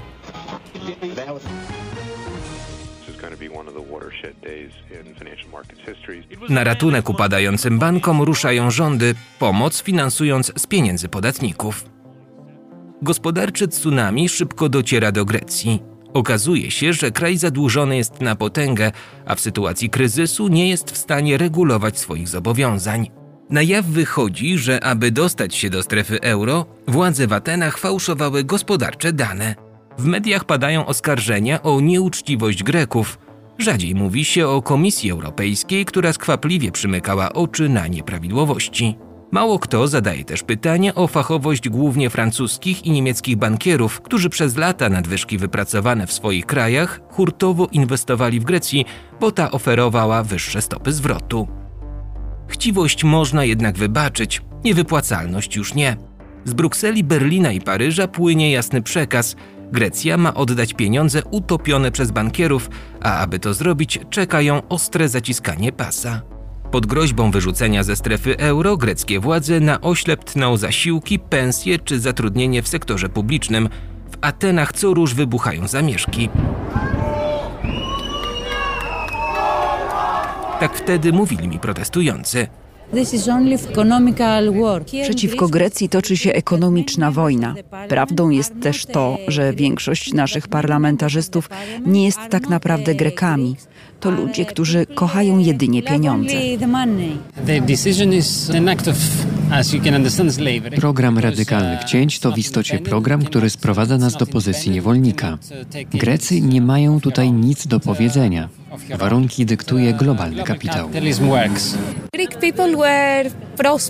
Przez lata Grekom świetnie się powodziło, więc nikt nie przejmował się gospodarką. Kiedy pracowałam dla dużej międzynarodowej kancelarii prawnej, mój szef powiedział pewnego dnia: Wiesz, że w Grecji za każdą ustawą stoją partykularne interesy jakiegoś polityka? W ten sposób nie da się zbudować państwa.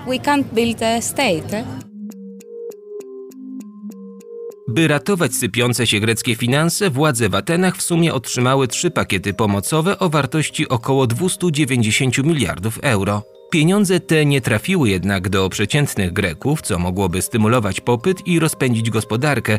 Przeznaczone były na spłatę zobowiązań wobec prywatnych i publicznych wierzycieli. Każda z pożyczek obwarowana była też drastycznymi warunkami.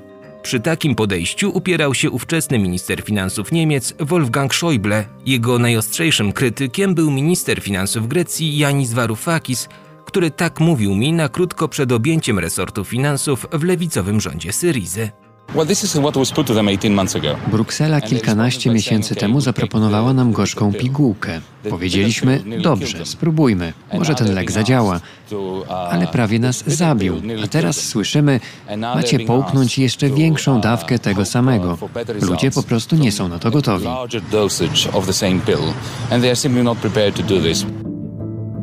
Podobna retoryka i obietnica postawienia się Brukseli i Berlinowi dała radykalnie lewicowej Syryzie wyborcze zwycięstwo w 2015 roku. Młody i wojowniczy premier Alexis Tsipras rzucił wyzwanie unijnemu establishmentowi, zorganizował referendum, w którym Grecy jednoznacznie powiedzieli nie dalszym cięciom.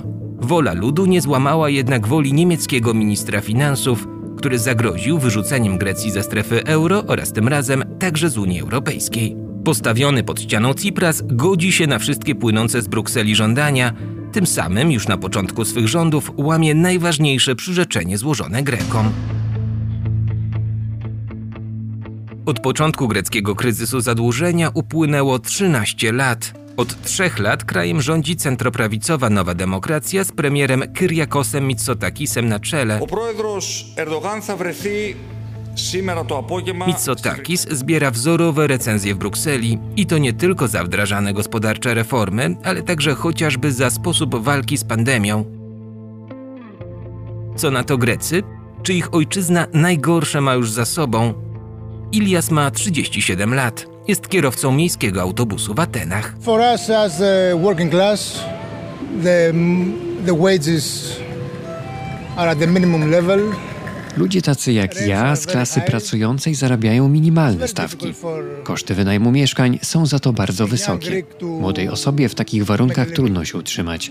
Before 208, it was much easier. Przed 2008 rokiem życie było dużo prostsze. Teraz wielu młodych po prostu wyjechało z kraju.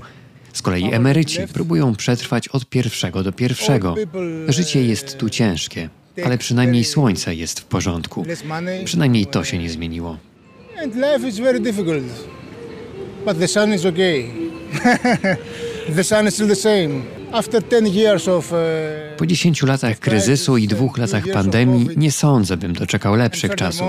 Będzie tak, jak jest. Oby tylko nie było gorzej. we can only hope that it can't get worse.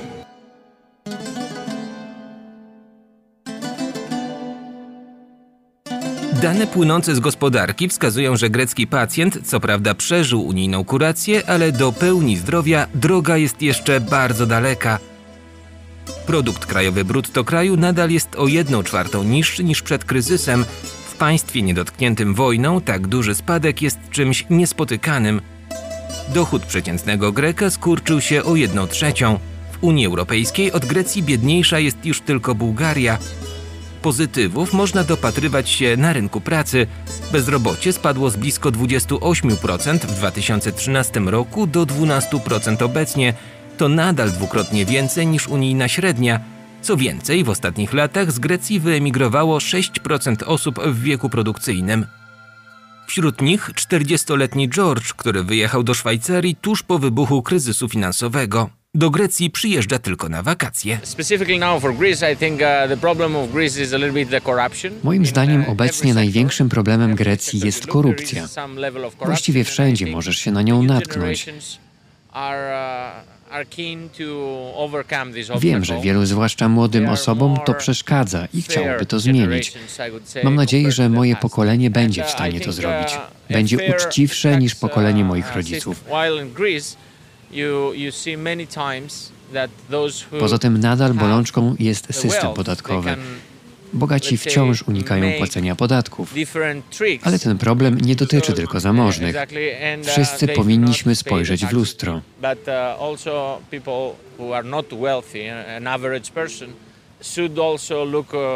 W Grecji na porządku dziennym jest, że sprzedawca czy kelner pyta cię, czy chcesz rachunek. Jeśli nie chcesz, to płacisz mniej, bo sklep czy restauracja nie musi odprowadzać podatku.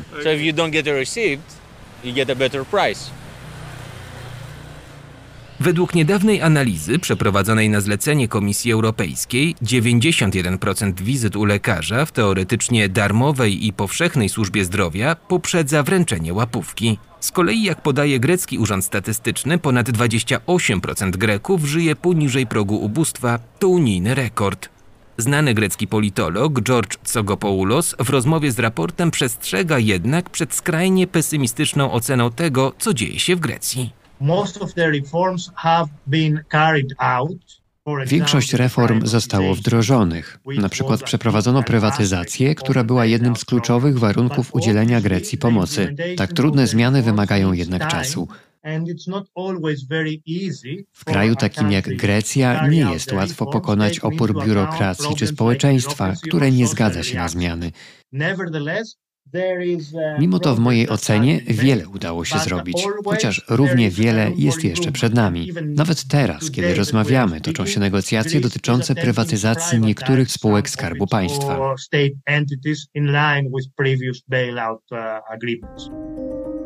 Na poobijaną gospodarczo Grecję, powoli wychodzącą z kryzysu, dodatkowo spadły dwa potężne ciosy. Najpierw pandemia, która uderzyła w fundament greckiej gospodarki, czyli turystykę, później kryzys energetyczny przekładający się na inflację. Grecy muszą zmierzyć się też z trzecim zagrożeniem, być może najpoważniejszym. Na początku września turecki prezydent Recep Tayyip Erdoğan radykalnie zaostrzył retorykę wobec Grecji, otwarcie grożąc jej wojną. Tak mówił na spotkaniu ze swoimi zwolennikami. Ey Yunan! Bak tarihe bak. Tarihe dön. Hej Grecjo, spójrz na historię. Jeśli posuniesz się dalej, zapłacisz wysoką cenę. Nie zapomnieliśmy, że okupujecie nasze wyspy. Kiedy nadejdzie czas, zrobimy to, co konieczne. Jak to mawiamy w Turcji, nadejdziemy pewnej nocy. Zwrot nadejdziemy pewnej nocy, użyty przez Erdoana, to z jednej strony cytat z tureckiej poezji odnoszący się do kochanków, z drugiej aluzja do wydarzeń z 1974 roku, kiedy pod tym samym hasłem tureckie siły przeprowadziły inwazję na Cypr, którego północna część zajmowana jest przez Turków do dzisiaj. mówi George Tsogopoulos. W mojej ocenie sytuacja jest bardzo poważna. Turcja wysuwa wobec Grecji żądania terytorialne, jednocześnie grożąc użyciem siły. To dość typowe dla tureckiej polityki zagranicznej po 2016 roku, czyli od czasu zamachu stanu w Turcji. Teraz jednak w kontekście wojny na Ukrainie ta sprawa zyskała na znaczeniu. Stawką jest bowiem jedność na południowo-wschodniej flance NATO, co w pierwszej kolejności jest potężnym problemem dla Waszyngtonu.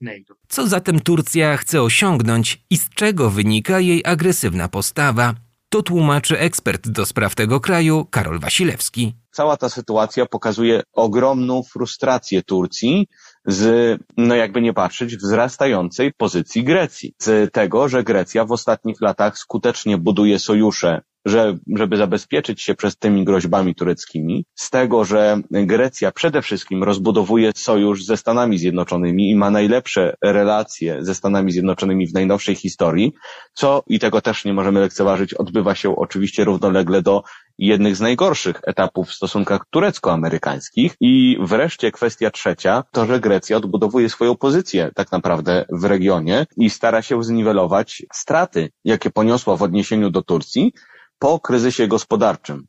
I teraz co mam na myśli? Po kryzysie gospodarczym doświadczyliśmy przechylenia się tej równowagi sił e, w stronę turecką, czy na korzyść turecką.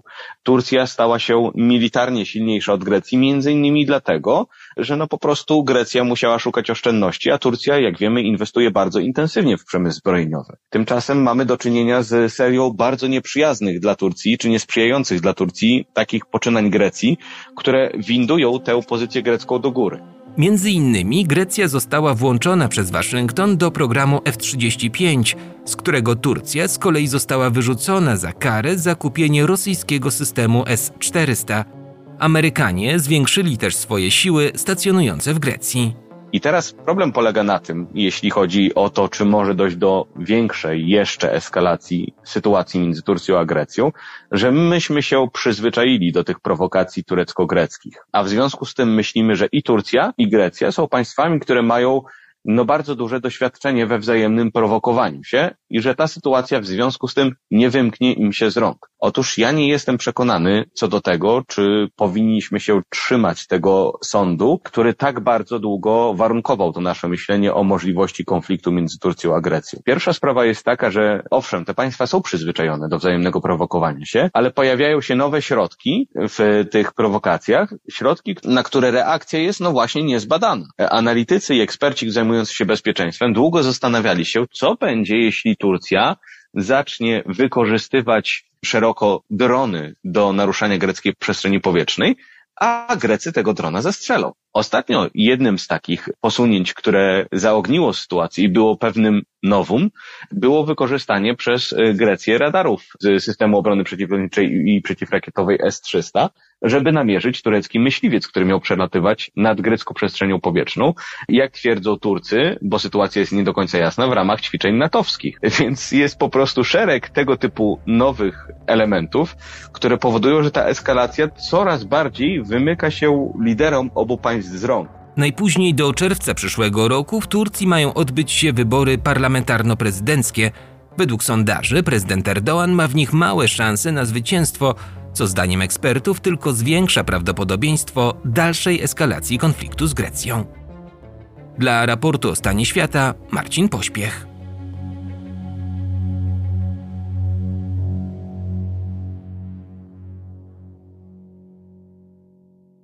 W Burkina Faso drugi zamach stanu w tym roku. Władzę przejął kapitan Ibrahim Traore, a powodem obalenia hunty Pola Henriego Damiby, który w styczniu sam dokonał zamachu stanu, jest brak sukcesów w walce z islamskimi rebeliantami, którzy działają w Burkina Faso. Tak przynajmniej twierdzi nowy władca kraju, który mianował się prezydentem i szefem armii. Burkina Faso to jeden z najbiedniejszych krajów na świecie, do tego doświadczany przemocą ze strony skrajnych bojówek islamskich, a równocześnie istotne miejsce z punktu widzenia strategicznego. Francja w ostatnich latach wycofuje się, czy raczej jest wypychana ze swoich byłych kolonii Burkina Faso, Mali, Nigru, a w jej miejsce wchodzi coraz częściej i coraz bardziej zdecydowanie Rosja. Czy w tym wypadku będzie tak samo? Moim gościem jest Jędrzej Czerep z Polskiego Instytutu Spraw Międzynarodowych. Witam cię, dzień dobry. Dzień dobry. To był niespodziewany zamach. W końcu jego sprawca poparł tych, którzy dokonali poprzedniego zamachu stanu w styczniu tego roku, więc długo jakby nie wytrwał w tym swoim poparciu. Tak, to była taka trochę kłótnia w rodzinie, bo nowy przywódca był członkiem tej samej grupy, która dokonała przewrotu w styczniu tego roku. Chyba był jednak niespodziewany, dlatego że to nie była postać znana, to nie był jakiś charyzmatyczny przywódca opozycji, a też y, Damiba nie był człowiekiem niepopularnym, skorumpowanym, czy takim, który by się bardzo doskwierał społeczeństwu.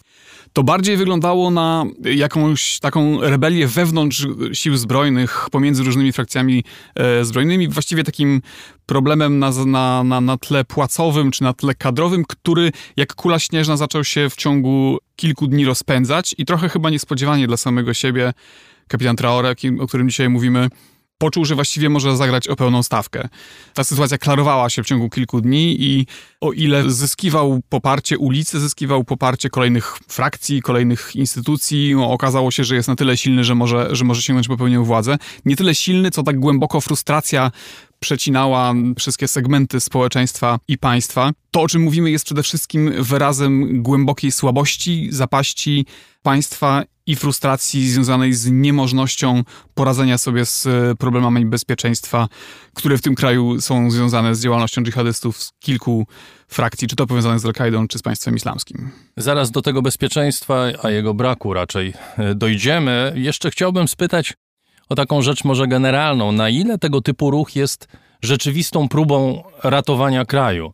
Ten kapitan zapewne sam siebie tak porównuje, ale już jest porównywany przez y, zwolenników do Tomasa Sangare, prawda, ojca niepodległości Burkina Faso, ale to wygląda niestety jak taki podręcznikowy przykład afrykańskiego zamachu stanu. Mówię afrykańskiego zamachu stanu nie dlatego, że w innych krajach nie ma zamachów stanu, czy na innych kontynentach, no ale w Afryce odbywają się one regularnie. Przychodzi jakiś wataszka, ogłasza się właśnie prezydentem, ogłasza, że za rok albo dwa zorganizuje wybory wolne, ogłasza, że robi to dla dobra e, wszystkich, po czym albo zostaje u władzy, albo zostaje zmieciony kolejnym zamachem stanu, w którym osobiste urazy, osobiste jakieś pretensje najczęściej właśnie związane e, z sytuacją w armii decydują, a nie interes tego kraju. Czy tutaj w ogóle można mówić o czym innym, czy na razie po prostu roboczo zakładamy, że to jest to samo, co było w styczniu, tylko że w nowym wydaniu? Generalnie taki klasyczny zamach stanu, e, jak, jak, jak właśnie tutaj go, go opisałeś, występował w Afryce nagminnie w latach 70., 80., 90. Później został skutecznie dosyć przyhamowany. Przez kilka lat wydawało się, że ten etap historii mamy już za sobą. E, Unia Afrykańska e, regularnie no, obkładała sankcjami, izolowała tego typu, e, tego typu oficerów czy, czy, czy reżimy, które się mm, rodziły w wyniku zamachów stanu. Dopiero od kilku lat mamy do czynienia z taką drugą falą, jakimś powrotem zamachów stanu, przede wszystkim w strefie Sahelu, która jest najbiedniejsza i najbardziej dotknięta problemami bezpieczeństwa, konkretnie problemami dżihadyzmu. To jest troszkę co innego. To nie jest do końca, to nie jest do końca tak. Tutaj mamy do czynienia z, z elitą e, wojskową, z najbardziej najbardziej doświadczonymi, najbardziej kompetentnymi, najbardziej też no, odważnymi oficerami.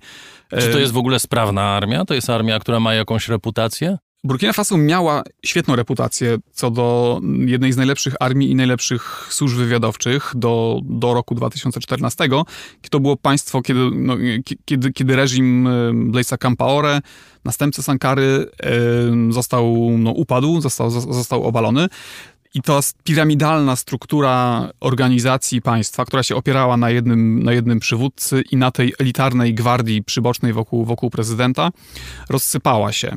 Tym tłumaczono, że Burkina Faso była wcześniej wyjątkiem na tle e, regionu, oazą stabilności, oazą eksperymentów, no, próbą, próbą, demok próbą demokratyzacji, czy, czy takim miejscem, w którym społeczeństwo obywatelskie było niezwykle aktywne To wszystko niestety ym, posypało się w momencie, kiedy upadł tamten ym, skuteczny, sprawny, chociaż oczywiście autorytarny, autorytarny reżim. Dżihadyści poczuli wiatr w żagle i błyskawicznie zaczęli penetrować Burkinę Faso, dokonywać zamachów, czy zyskiwać poparcie wśród niemałej części społeczności Fulanów, najbardziej marginalizowanej grupy etnicznej w, w tym kraju, która, która zamieszkuje przede wszystkim na północy. E, trochę to się potoczyło jak, jak, jak, jak domino, w dużym stopniu pod wpływem e, niepokojów już wcześniej trawiących sąsiednie Mali. Nowe władze demokratyczne nie były w stanie nic z tym zrobić. Pierwsza próba wojskowa, o której mówiliśmy na początku tego roku, miała to postawić na właściwe tory, czyli najpierw załatwić sprawy bezpieczeństwa, a później dopiero no, myśleć o wszystkim innym. I tutaj e, sukcesów trudno było oczekiwać e, w szybkim czasie od wojskowych, jakkolwiek by się, jakkolwiek by się nie starali, jakkolwiek dobre intencje by nie były. Obalony właśnie pułkownik Damiba był autorem niezłej książki o, o, o strategiach walki z dżihadystami w Sahelu. On zresztą zainicjował dialog polityczny z, z frakcjami dżihadystów. W każdej prowincji ustanowił taki specjalny komitet do spraw dialogu, powrotu. Minister do spraw pojednania narodowego go pilotował, tam były niezłe pomysły i dosyć niezłe strategie. Tym niemniej pod koniec października kraj został zszokowany doniesieniami, a nawet, a wręcz nagraniami krążącymi po mediach społecznościowych z chyba największego ataku e, i najbardziej takiego no, dotkliwego ataku dżihadystów w pobliżu miasta Djibo na północy kraju, które to miasto jest otoczone przez, oblężone przez dżihadystów z każdej strony. To jest taka stolica prowincjonalna prowincji Sum.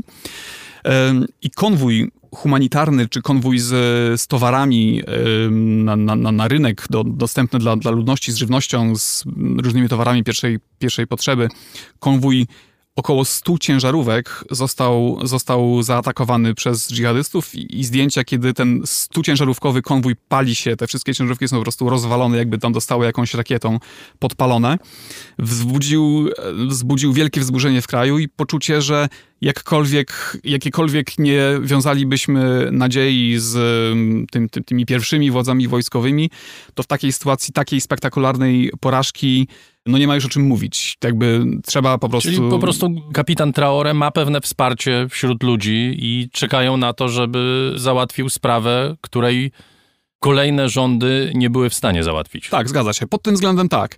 E, I ten, ten, ten taki kredyt zaufania, który było widać na ulicach e, stolicy Burkina Faso czy innych, innych miejsc, pewien entuzjazm, którego moglibyśmy się nie spodziewać w takiej sytuacji, nie tyle się wiąże z jego jakimiś osiągnięciami, czy jego charakterem jako, jako znanej postaci, ale z tym, że on uosabia, no, kanalizuje tą frustrację, to niezadowolenie z tego, co poprzedniej ekipie się nie udało, a jednak jest to człowiek, któremu nie można odmówić e, intencji i dobrych chęci w tej dziedzinie i też no, pewnego, pewnego doświadczenia. On uczestniczył jako żołnierz ONZ-owski w trudnych misjach w, w Mali, w samej Burkinie Faso był, był jakby frontowym oficerem w walce z dżihadystami, więc jakby no, tego, Brał prochu, udział w walkach, tego tak? prochu się nawąchał i zna... Zdaje się, że w Timbuktu również tak, zna tą, zna, zna, tą e, kwestię od podszewki.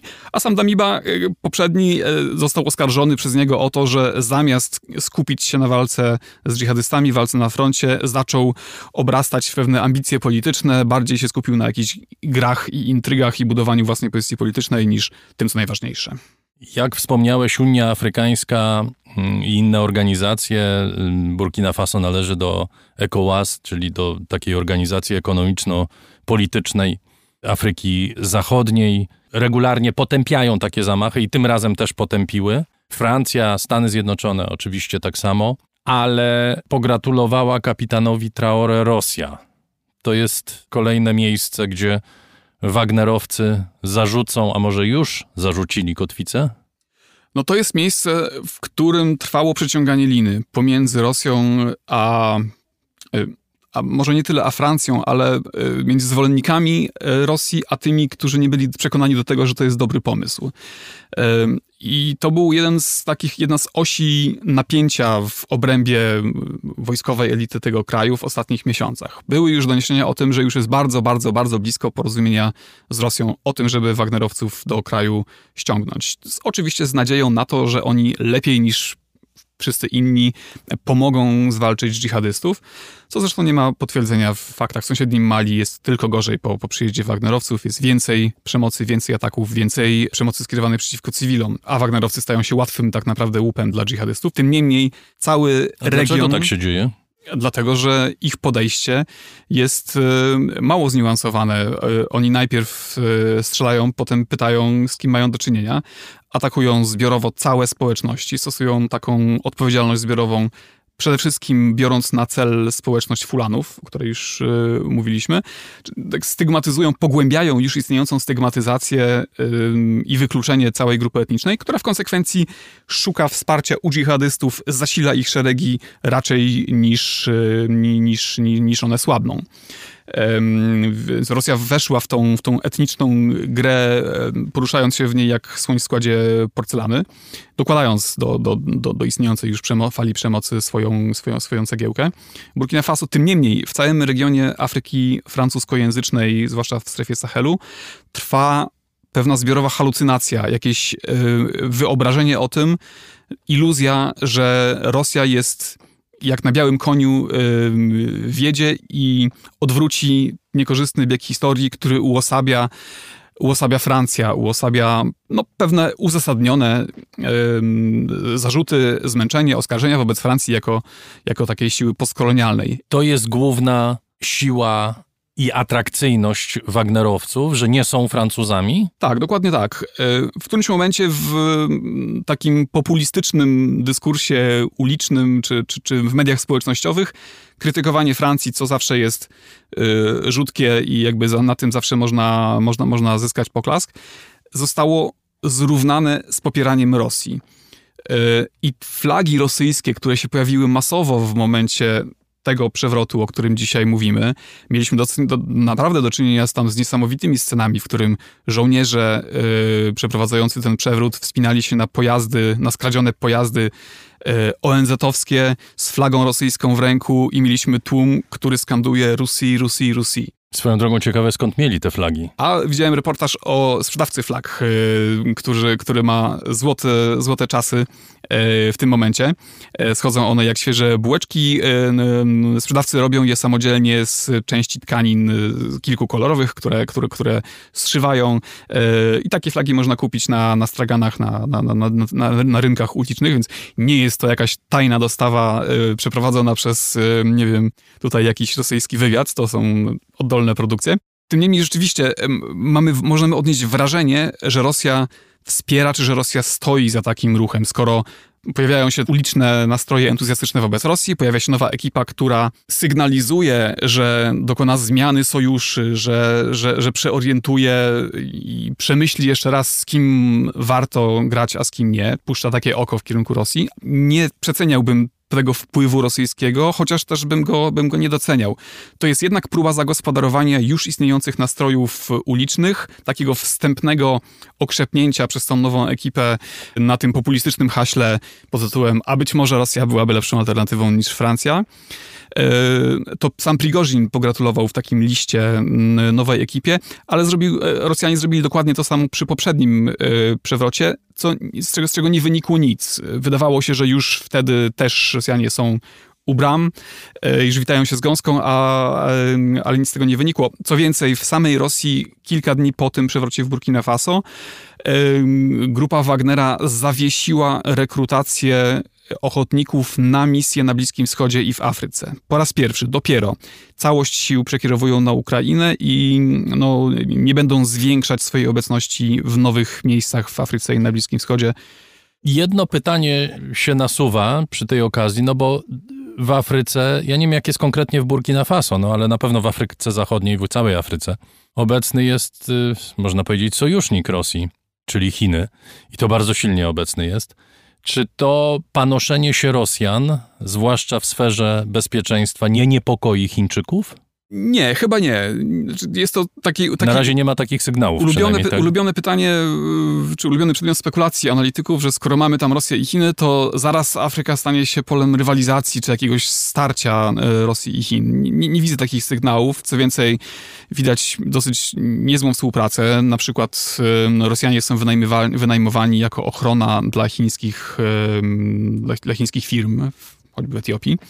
E, więc widać raczej tutaj jakąś wspólny kierunek. No jest to wspólny cel osłabienia Zachodu, wzmocnienia swojej, swojego takiego globalnego e, zasięgu gdzieś tam w tle jest ta wizja świata wielobiegunowego, w której to Zachód nie dominuje, a w której różne siły mają coś do powiedzenia.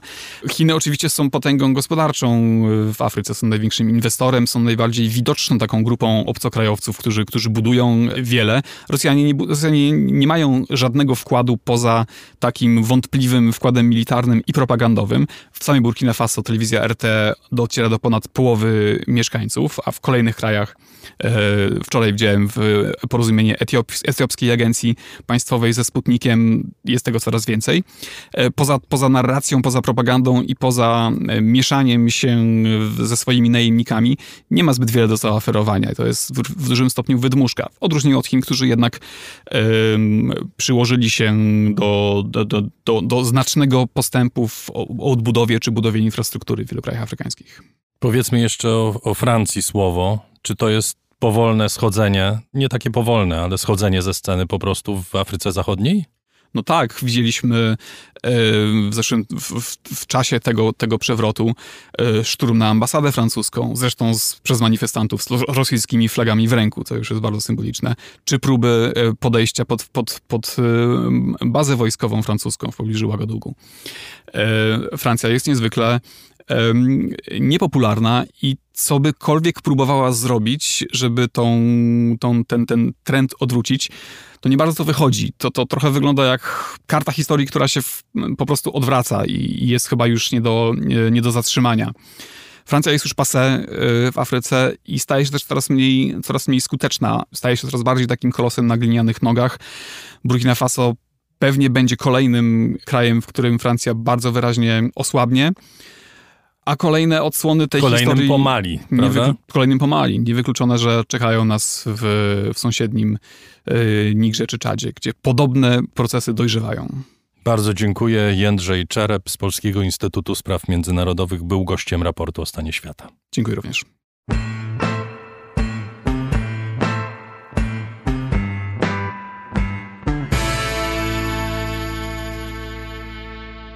Jednym z oblicz współczesnej wojny są cyberataki organizowane zarówno przez państwa, jak i organizacje niepaństwowe. I to zarówno w czasie wojny, jak i, a może bardziej jeszcze, w czasie pokoju. Na rok przed inwazją, w lutym, Ukraina była drugim po Stanach Zjednoczonych wśród państw atakowanych w cyberprzestrzeni.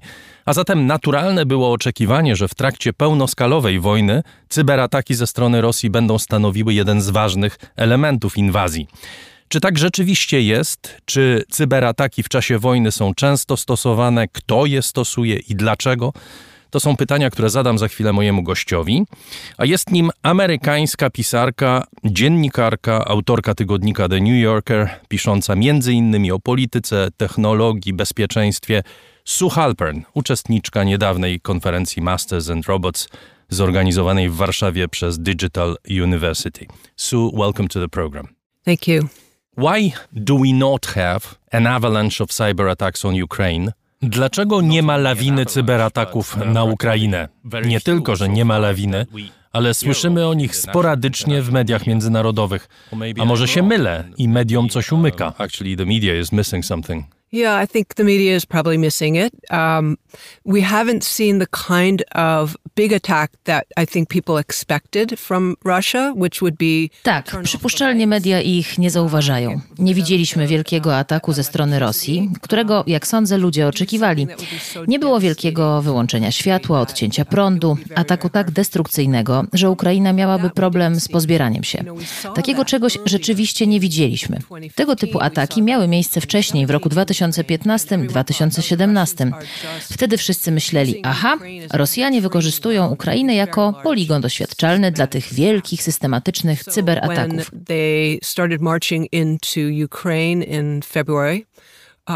people expected Kiedy zaczęli ofensywę w Ukrainie w lutym, można było oczekiwać, że one się powtórzą, ale tak się nie stało. Za to wydarzyło się mnóstwo innych ataków. Mieliśmy tysiące ataków typu denial of service, czyli odmowa usługi. Mieliśmy atak na system satelitarny, który zapewniał dostawę internetu dla armii ukraińskiej. Tak się składa, że ten sam system zapewnia internet armii amerykańskiej.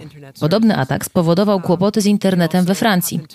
W pierwszym dniu inwazji Rosjanie przypuścili tzw. Tak wiper attack, w którym chodziło o wyczyszczenie danych z ukraińskich serwerów. Trzeba też pamiętać, że wiele ataków jest utajnionych. Bardzo trudno je dostrzec, jeśli sam nie padasz ich ofiarą. Zatem w zasadzie nie wiemy, co Rosjanie robią. Wiemy tyle, że nie było dotąd tego wielkiego, spektakularnego ataku. doing these very large attacks that you can see. And I think the other reason is bombs are way more effective. You know, you drop a bomb and, and you flatten a building. Kolejnym powodem może być to, że bomby są znacznie bardziej wydajne. Zrzucasz bombę i natychmiast niszczysz budynek. Gdy przypuszczasz cyberatak i nawet odłączasz sieć energetyczną, zwykle jest w zapasie jakaś sieć rezerwowa. Zrzucanie bomb jest znacznie lepsze, jeśli chcesz niszczyć.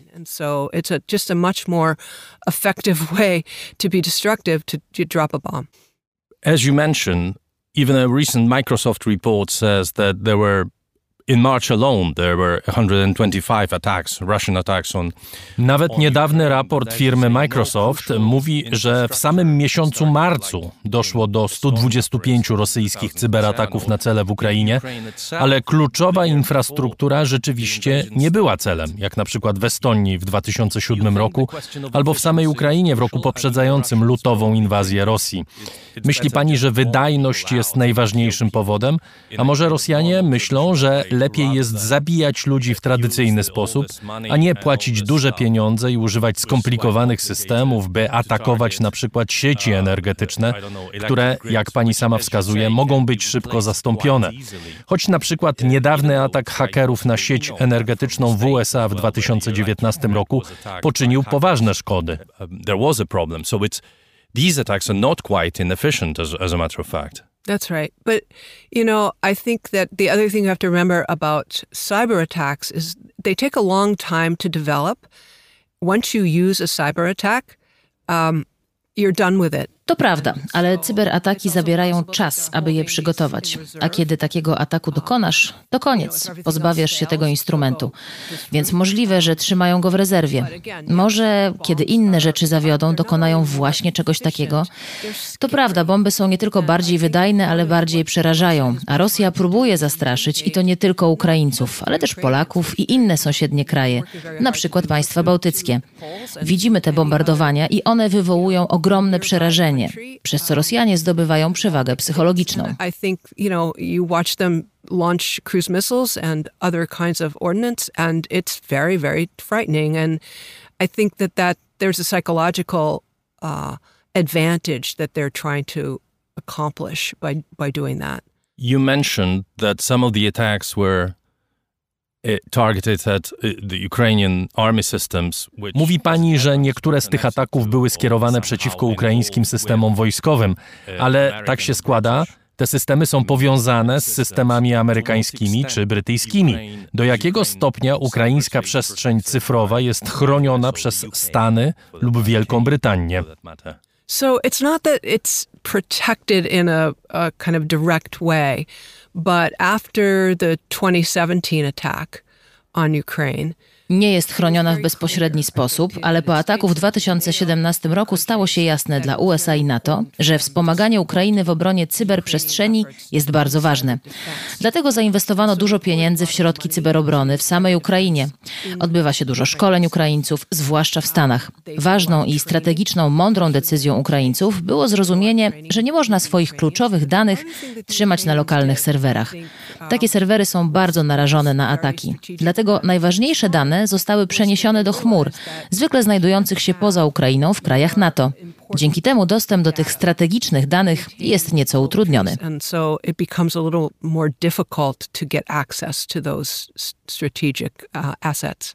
How is this business organized? I mean, you, you're talking about the clouds, which are out, outside of one country's space. Jak ten proceder jest zorganizowany? Mówi pani o chmurach poza przestrzenią jakiegoś kraju w przestrzeni innego. O czym my mówimy? Jak przeprowadzane są ataki na takie zbiory danych? Czy istnieją specjalistyczne oddziały w poszczególnych armiach?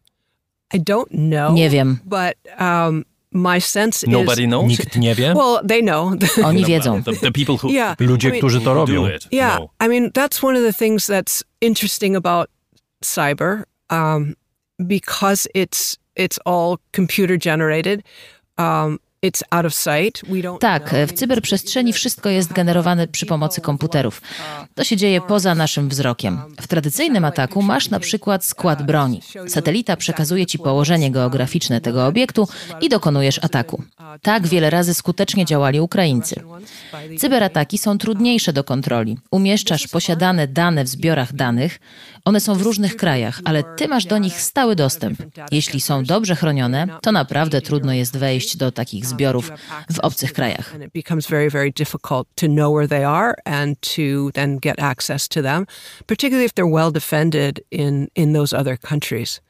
Do we know who are the main actors? Czy wiemy, kim są główni cyber sprawcy cyberataków? and cyber security Yeah. business at the moment. Yeah, I think we do. Chyba Um, wiemy. I think in the beginning, the assumption was that the Russians, um, with their intelligence services, would be uh, one of the main uh, actors in this in this field, but we also Od początku zakładaliśmy, że to Rosjanie i ich służby są głównymi aktorami na tym polu. Ale też myśleliśmy, że rosyjskie cybergangi, zwłaszcza te, które przedstawiały się jako organizacje patriotyczne, pracowały dla rządu rosyjskiego. Chyba to zjawisko nie ma takiej skali, jak wcześniej zakładaliśmy. Wygląda na to, że większość ataków dokonywana jest przez rosyjską armię i służby. A co z Chińczykami, Amerykanami, Brytyjczykami? Well, uh, I think in terms of cyber defense, of if we're talking about Ukraine, we're looking at uh, the United States and also. Um, Jeśli chodzi o obronę Ukrainy, to mówimy też o prywatnych firmach. E, Wspomniał Pan o Microsoftie. Są również inne firmy chroniące dane, które chronią obecnie ukraińskie zasoby. Co do Chin, nie wydaje mi się, by były zaangażowane w jakiekolwiek cyberataki w tej wojnie. Wiemy, że mają bardzo silne i sprawne służby działające w ramach armii, ale ich hakerzy działają głównie przeciwko Stanom Zjednoczonym i interesują ich głównie systemy przemysłowe. PLA um, of of hackers, but they're mostly working, you know, against places like the United States, and they're also particularly interested in industrial systems. Is it a two-way road? Czy ten system działa w obie strony? Czy Amerykanie również atakują Chińczyków? Oh, absolutely. Um, so, for the longest time in the United States, um, the uh, government would not acknowledge that we had any sort of cyber offense. Oczywiście, że tak. Bardzo długo rząd amerykański w ogóle nie przyznawał, że dokonuje jakichkolwiek cyberataków, ale oczywiście dokonywaliśmy ich i dalej to robimy. Na przykład dwa lata temu w cieśninie Ormus Irańczycy zestrzelili amerykański dron patrolowy. W odwecie Amerykanie zaatakowali irańskie systemy marynarki wojennej. To był pierwszy tak jawny atak amerykański, który nie tylko pokazywał, że dokonujemy cyberataków, ale ponieważ e, właściwie odbywał się na oczach wszystkich, mówił też, jak bardzo rozwinięty jest amerykański program cyberwojny. Pamiętajmy też, że cyberataków dokonują nie tylko państwa. Broń hakerska jest tania i mamy mnóstwo grup pozapaństwowych. Not. Remember, uh. Um, uh, rogue groups, uh, these freelancers also making cyber weapons. Um, so it's it's not just a you know Some of them are quite, um, niektóre z nich są bardzo silne, na przykład Anonymous. Anonymous, for instance. Yeah, Anonymous is very odd in that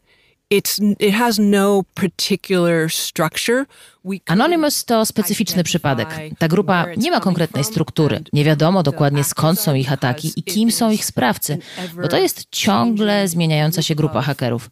Po inwazji wypowiedzieli um, wojnę Rosji, co ucieszyło wielu ludzi na świecie, ale to jest grupa kompletnie poza kontrolą i nigdy nie wiesz, co zrobią następnym razem.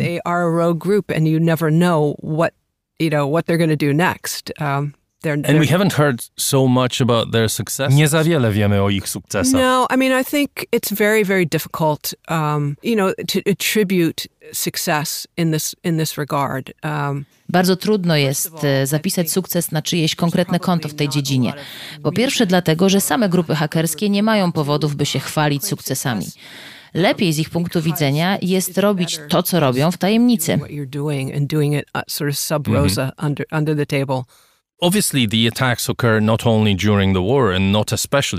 Oczywiście ataków dokonuje się nie tylko w czasie wojny i nie szczególnie w czasie wojny, ale w czasie pokoju. W zasadzie po co one są? W przypadku Rosji czy Chin kilka powodów przychodzi do głowy, na przykład Rosja przy pomocy ataków wymierza karę. Tak było w przypadku Estonii czy ataku w kwietniu na Ministerstwa Obrony Finlandii i Szwecji gdy ich szefowie rozmawiali z prezydentem Załańskim o wstąpieniu do NATO. Tu chodzi o pokazanie władzy, o sygnał. Jesteśmy tu, wiemy co robicie, obserwujemy was.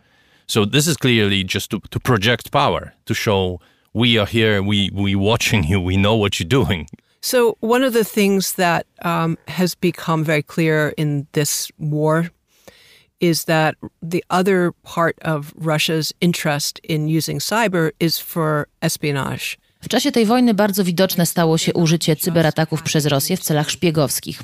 Włamują się nie tylko do danych urzędów państwowych, ale do ośrodków badawczych, organizacji pozarządowych. Chodzi o zdobycie jak największej ilości informacji wywiadowczych. Ciekawe było, że na przykład w Polsce rosyjskie ataki skierowane były właśnie nie tylko na urzędy państwowe, ale organizacje pozarządowe, dlatego że bardzo dużo operacji logistycznych, między innymi pomoc humanitarna oraz dostarczanie broni Ukraińcom, odbywało się właśnie tu, w Polsce. To dlatego tak wiele operacji szpiegowskich było skierowanych przeciwko Polakom i polskiemu rządowi. Nie widzimy tego, ale wiemy, że takie rzeczy się dzieją. On a more broader issue, how is cyber war and, and more generally internet warfare influencing democratic process, especially in the western countries. A mówiąc szerzej, jak cyberwojna i w ogóle ataki w internecie wpływają na procesy demokratyczne w krajach zachodnich? Śledziliśmy rosyjskie próby wpływu na wybory w Stanach czy referendum brexitowe. Były również podobne sygnały z Francji w trakcie wyborów. Do jakiego stopnia działania w cyberprzestrzeni stanowią autentyczne zagrożenie dla demokracji? Pytam, bo gdy głębiej się zastanowić, nie jest to wcale oczywiste. Wszyscy mówili na przykład o Cambridge Analytica i rosyjskich trollach, które miały wpływać na wynik referendum. Ale gdy popatrzy się na politykę w Wielkiej Brytanii, to przecież widać, że Brexit nie wydarzył się na skutek działań rosyjskich troli Cambridge Analytica, tylko dlatego, że Brytyjczycy chcieli, by ich kraj wyszedł z Unii. Podobnie w Stanach Trump został prezydentem, bo ludzie tego chcieli, nie dlatego, że Rosjanie im to narzucili.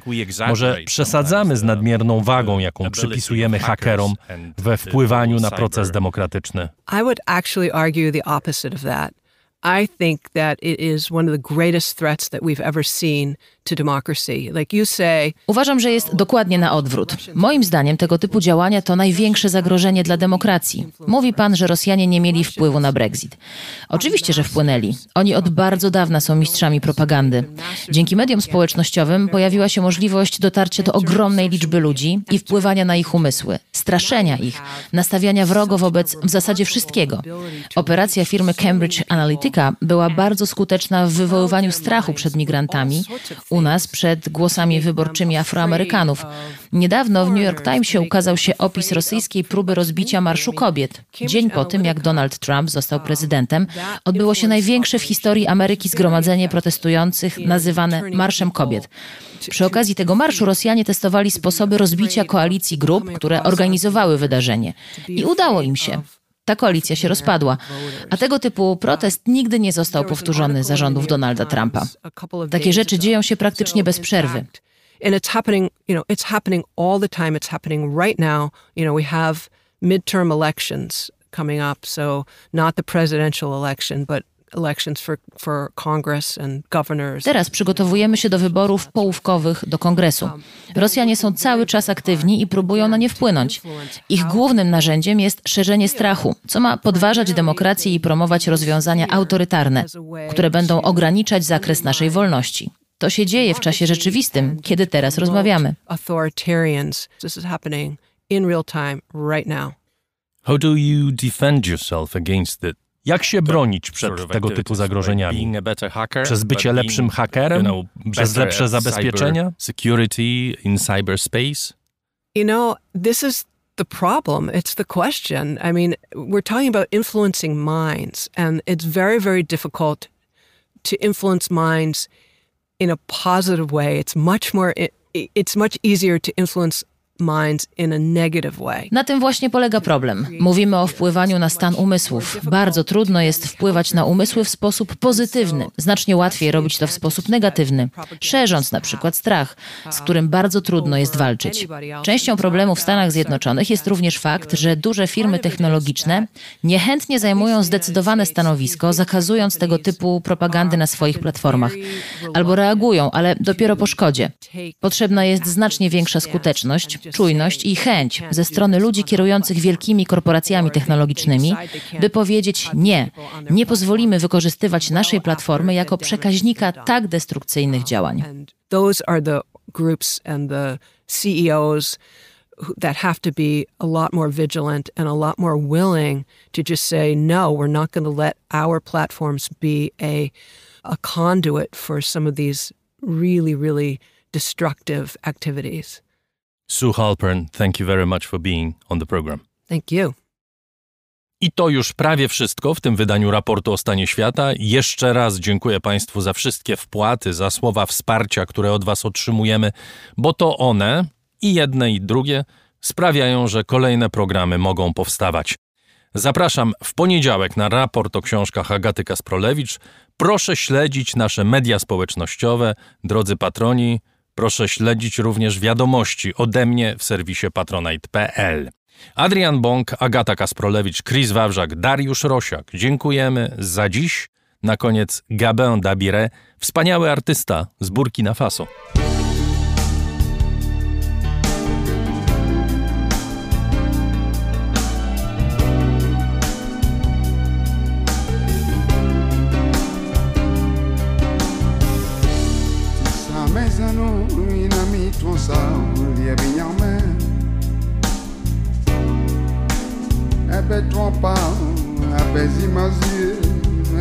kuti nyere nisamezano ina mitwansa liebinyame ebetwapa abezimazie abezimazie ayer kuti nyere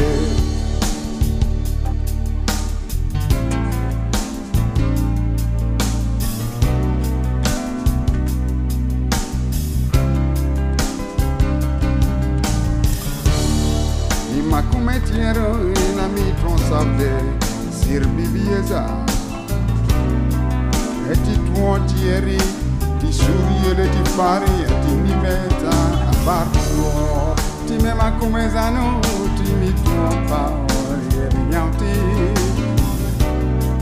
Et te comme un tiero, bien, bien, bien.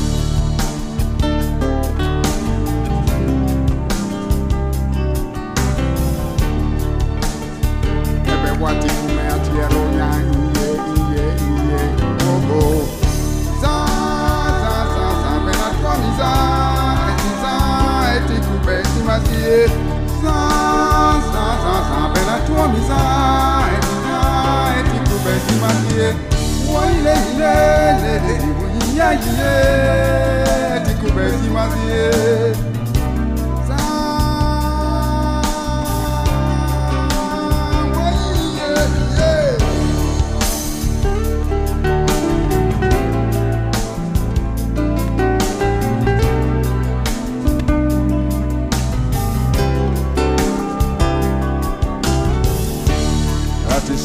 yere sinami twonter sao bibieza e twontiere abebe kwana. Ati sankume yere bohinde ati miter abezimazie abezimazie aigerkubevo